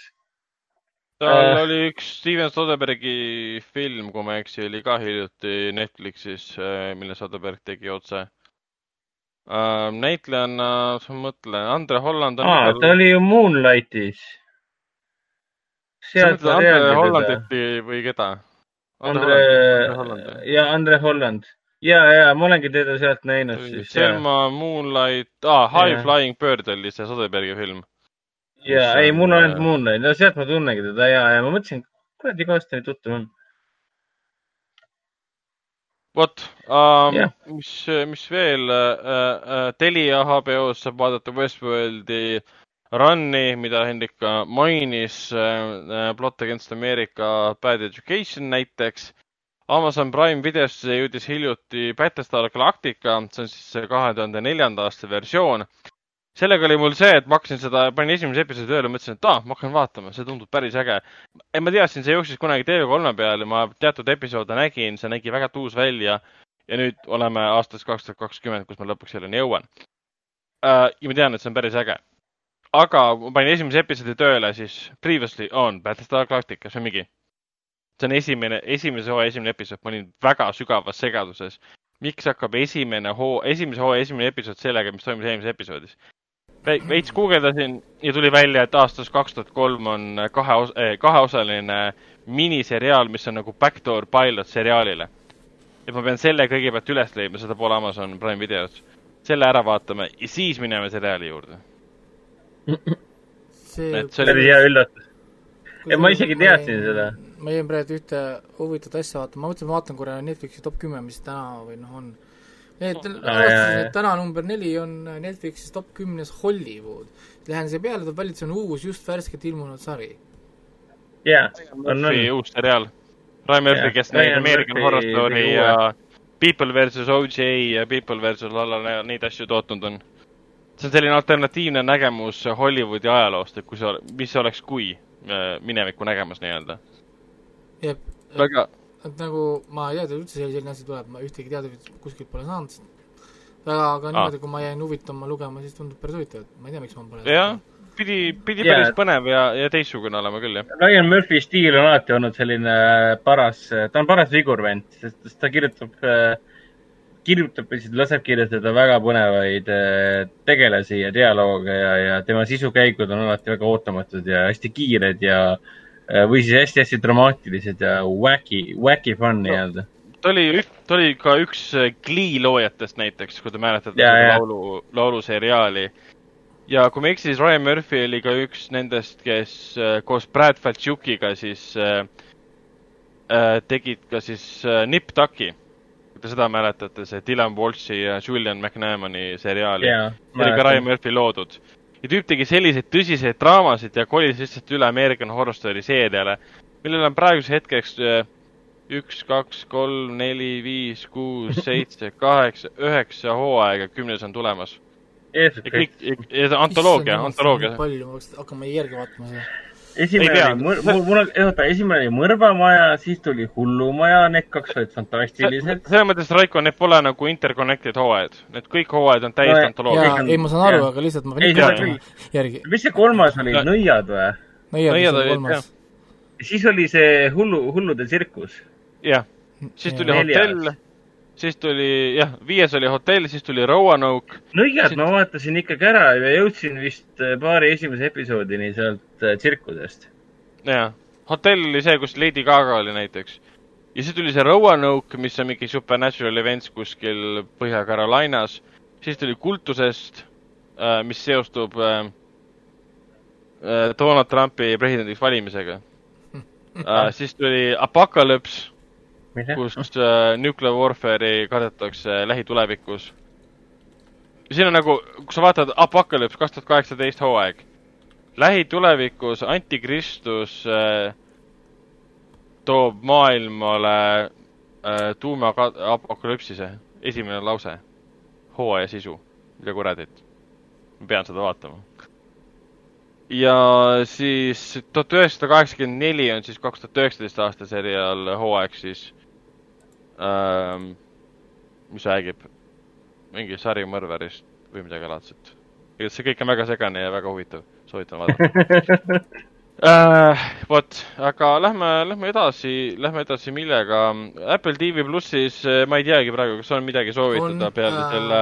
uus asi tuli just, on Trying. no, Trying. jah, ta nüüd tuli vist äkki, kas see nädal äkki tuligi või? ma ei teagi, mis päeval see nüüd tuli aga ta mul seda telefoniga surub seda, nii et ma vaata ja, ja, ja tuli uus. põhimõtteliselt Nicky ja Jason on, ma saan aru, paar, kes soovivad saada last. ja siis nad äh, otsustavad ado-, adopteerida. ja siis siit hakkab see sündmus, sündmus pihta ja tundub, et see on komöödia või? ma ei saa aru, mis siis žanri alla ta läheb äh,. vist, vist on komöödia, aga ta igal juhul, äh, ta on äh, neli osa on aa ei, see on full on, ehk siis kõik kaheksa episoodi on kohe korra korraga väljas ka, nii et äh, on jah, täitsa, täitsa yeah. komöödia.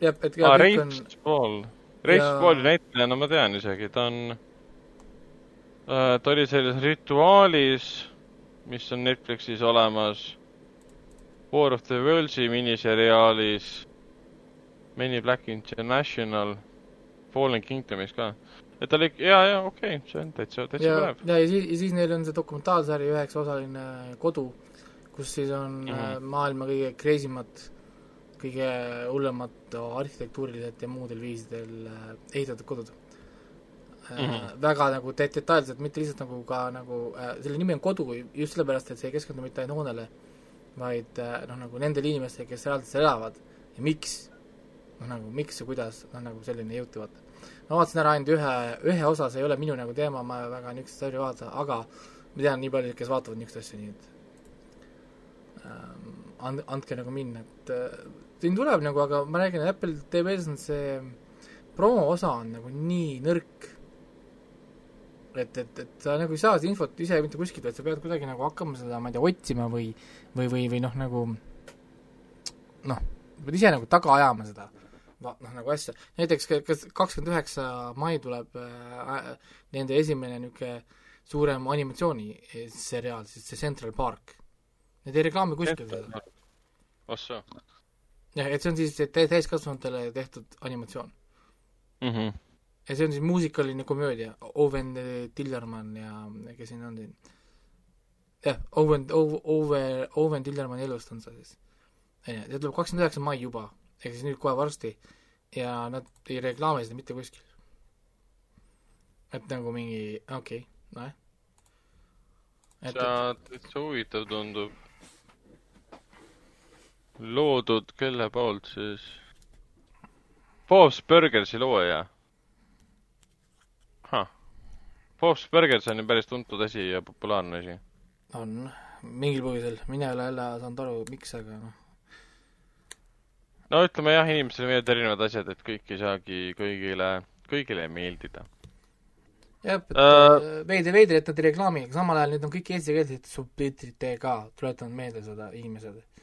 et mm. äh, lähete vaatate seda uut seriaali, see äh, Defending Jacob või vaatate seda dokumentaalfilmi Home või, või, või see uus, mis siin tuli, vahet pole, kõik teil on eestikeelsed sub-, sub-, subtiitrid olemas mm. -hmm vot, aga siis äh, täna siis viimase asjana endiselt soovitan vaadata, minna mubi.com äh, kaldkriips Eesti kino ja vaadata, mis seal oli, kolmkümmend päeva tasuta äh,, tasuta siis Euroopa ja Aasia kunstikino, sinna hiljuti midagi lisandus ka, aga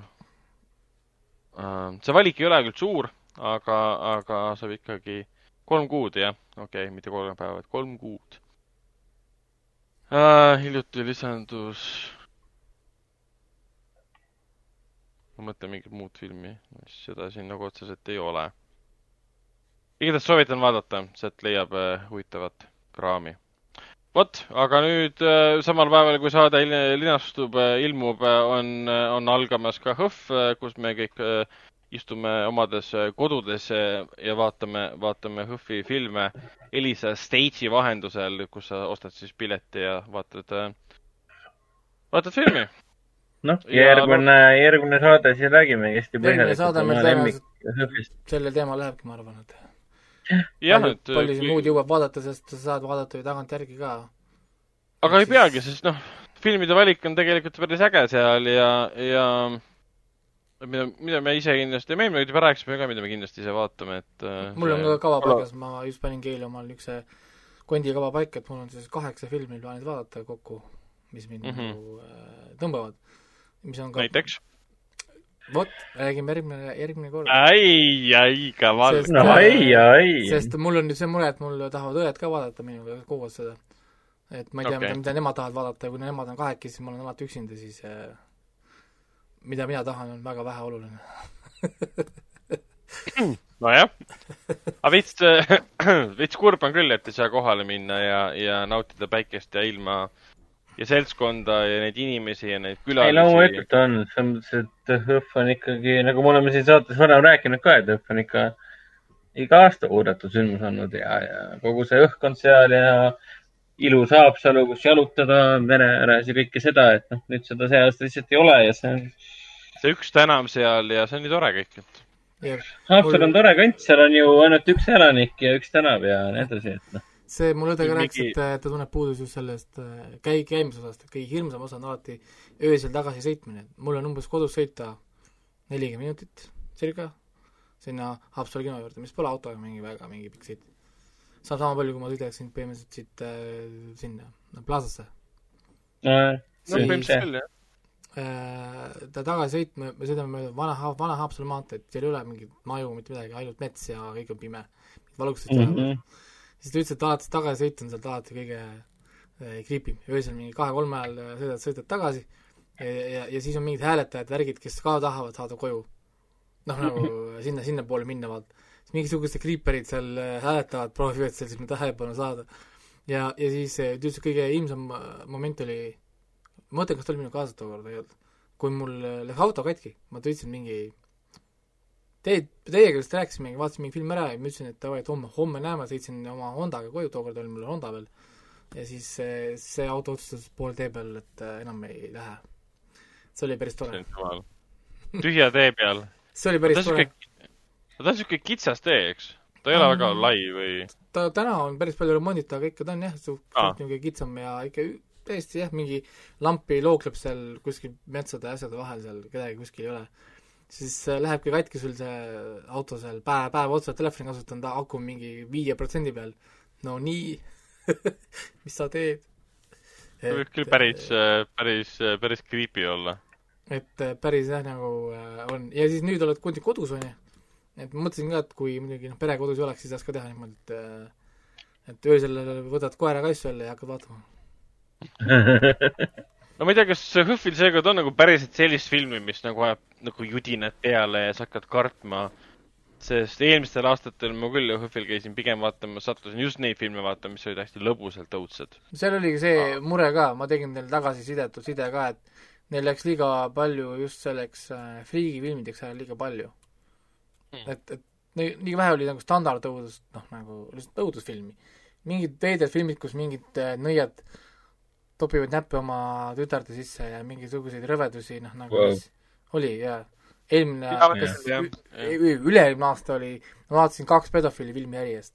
siin, siin mul oli küll nagu, et noh. see oli see, kui HÖFF muutus, muutus nagu PÖFFiks ja, ja liiga kõik... palju niisugust nagu stuff'i hakkas tulema, et ma mõtlesin ka, et yeah. kus on lihtsalt kummitused, natukene mootorsaagi, noh, nagu no täpselt, et see on ikkagi õudusfilmide festival, et me ei tule vaatama HÖFFile sotsiaalpornot äh, õudusest.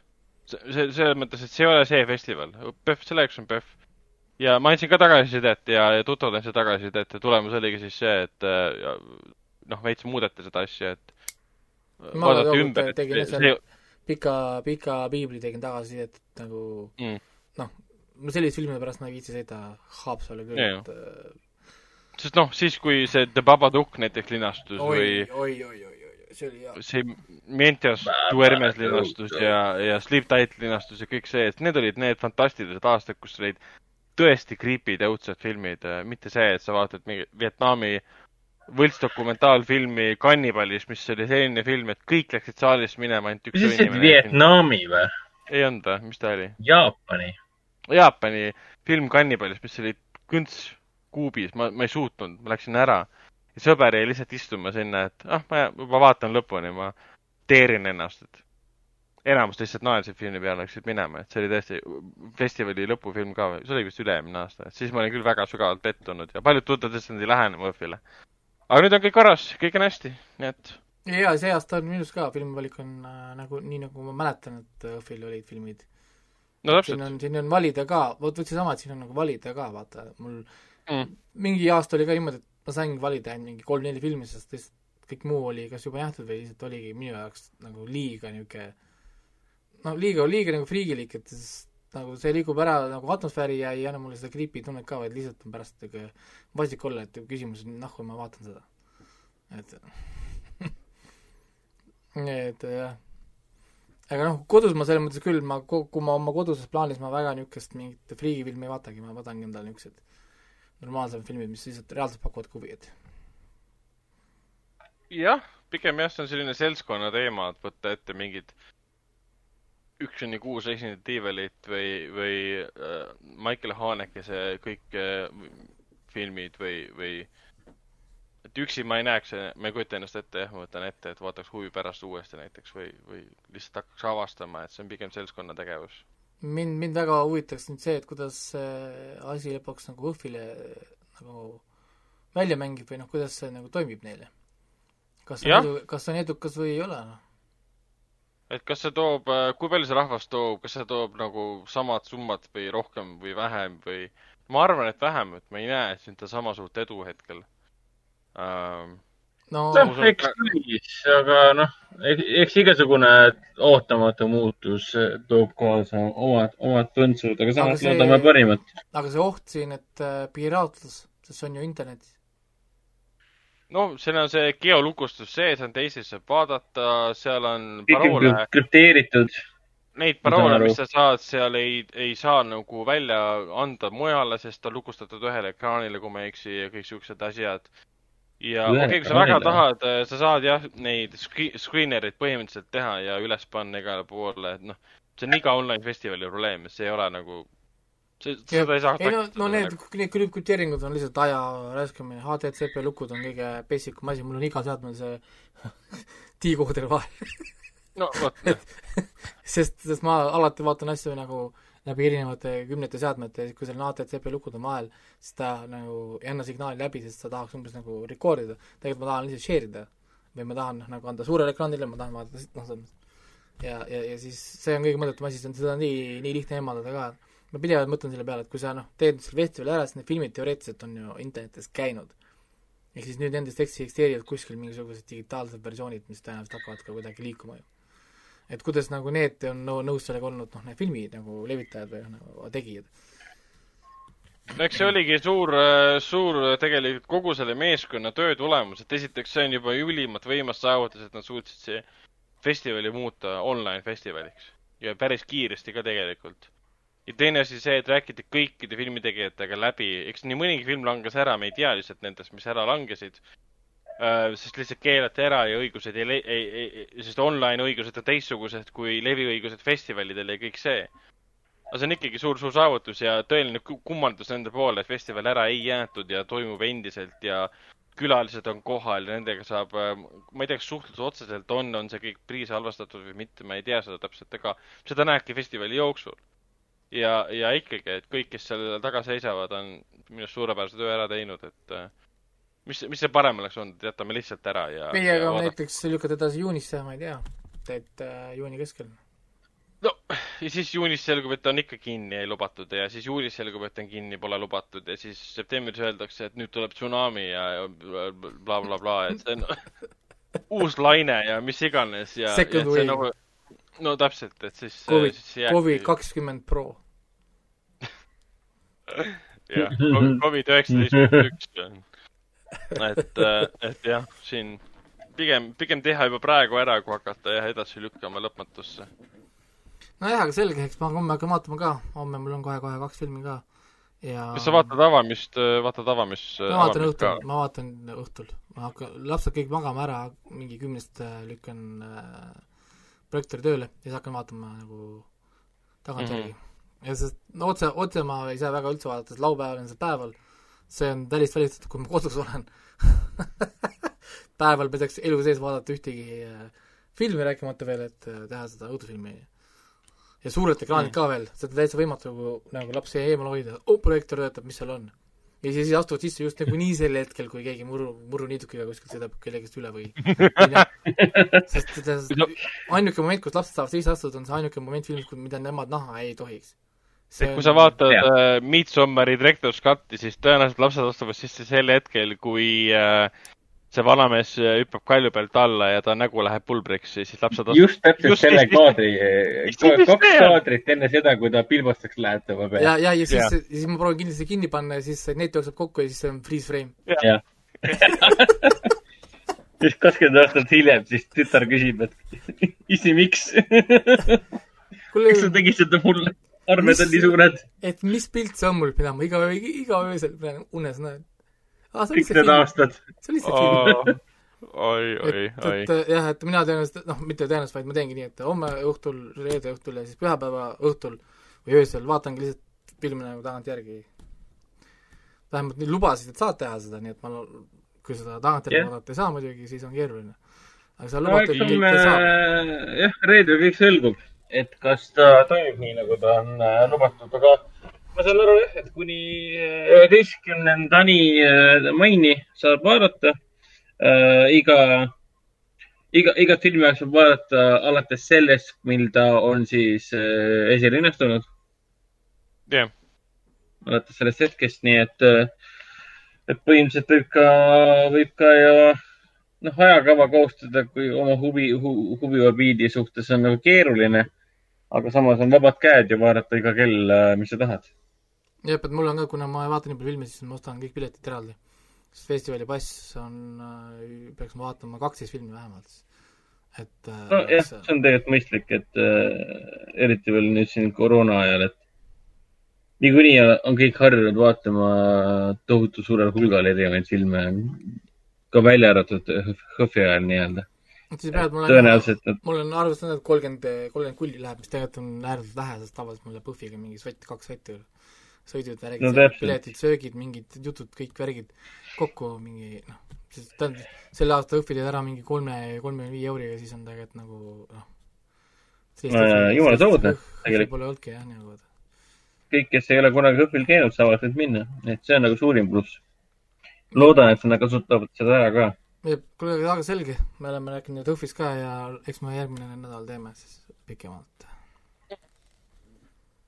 Kutsume siis äh, saate saateks ja näeme juba järgmisel nädalal, kui me räägime PÖFFist. teeme nii. tšau, tšau..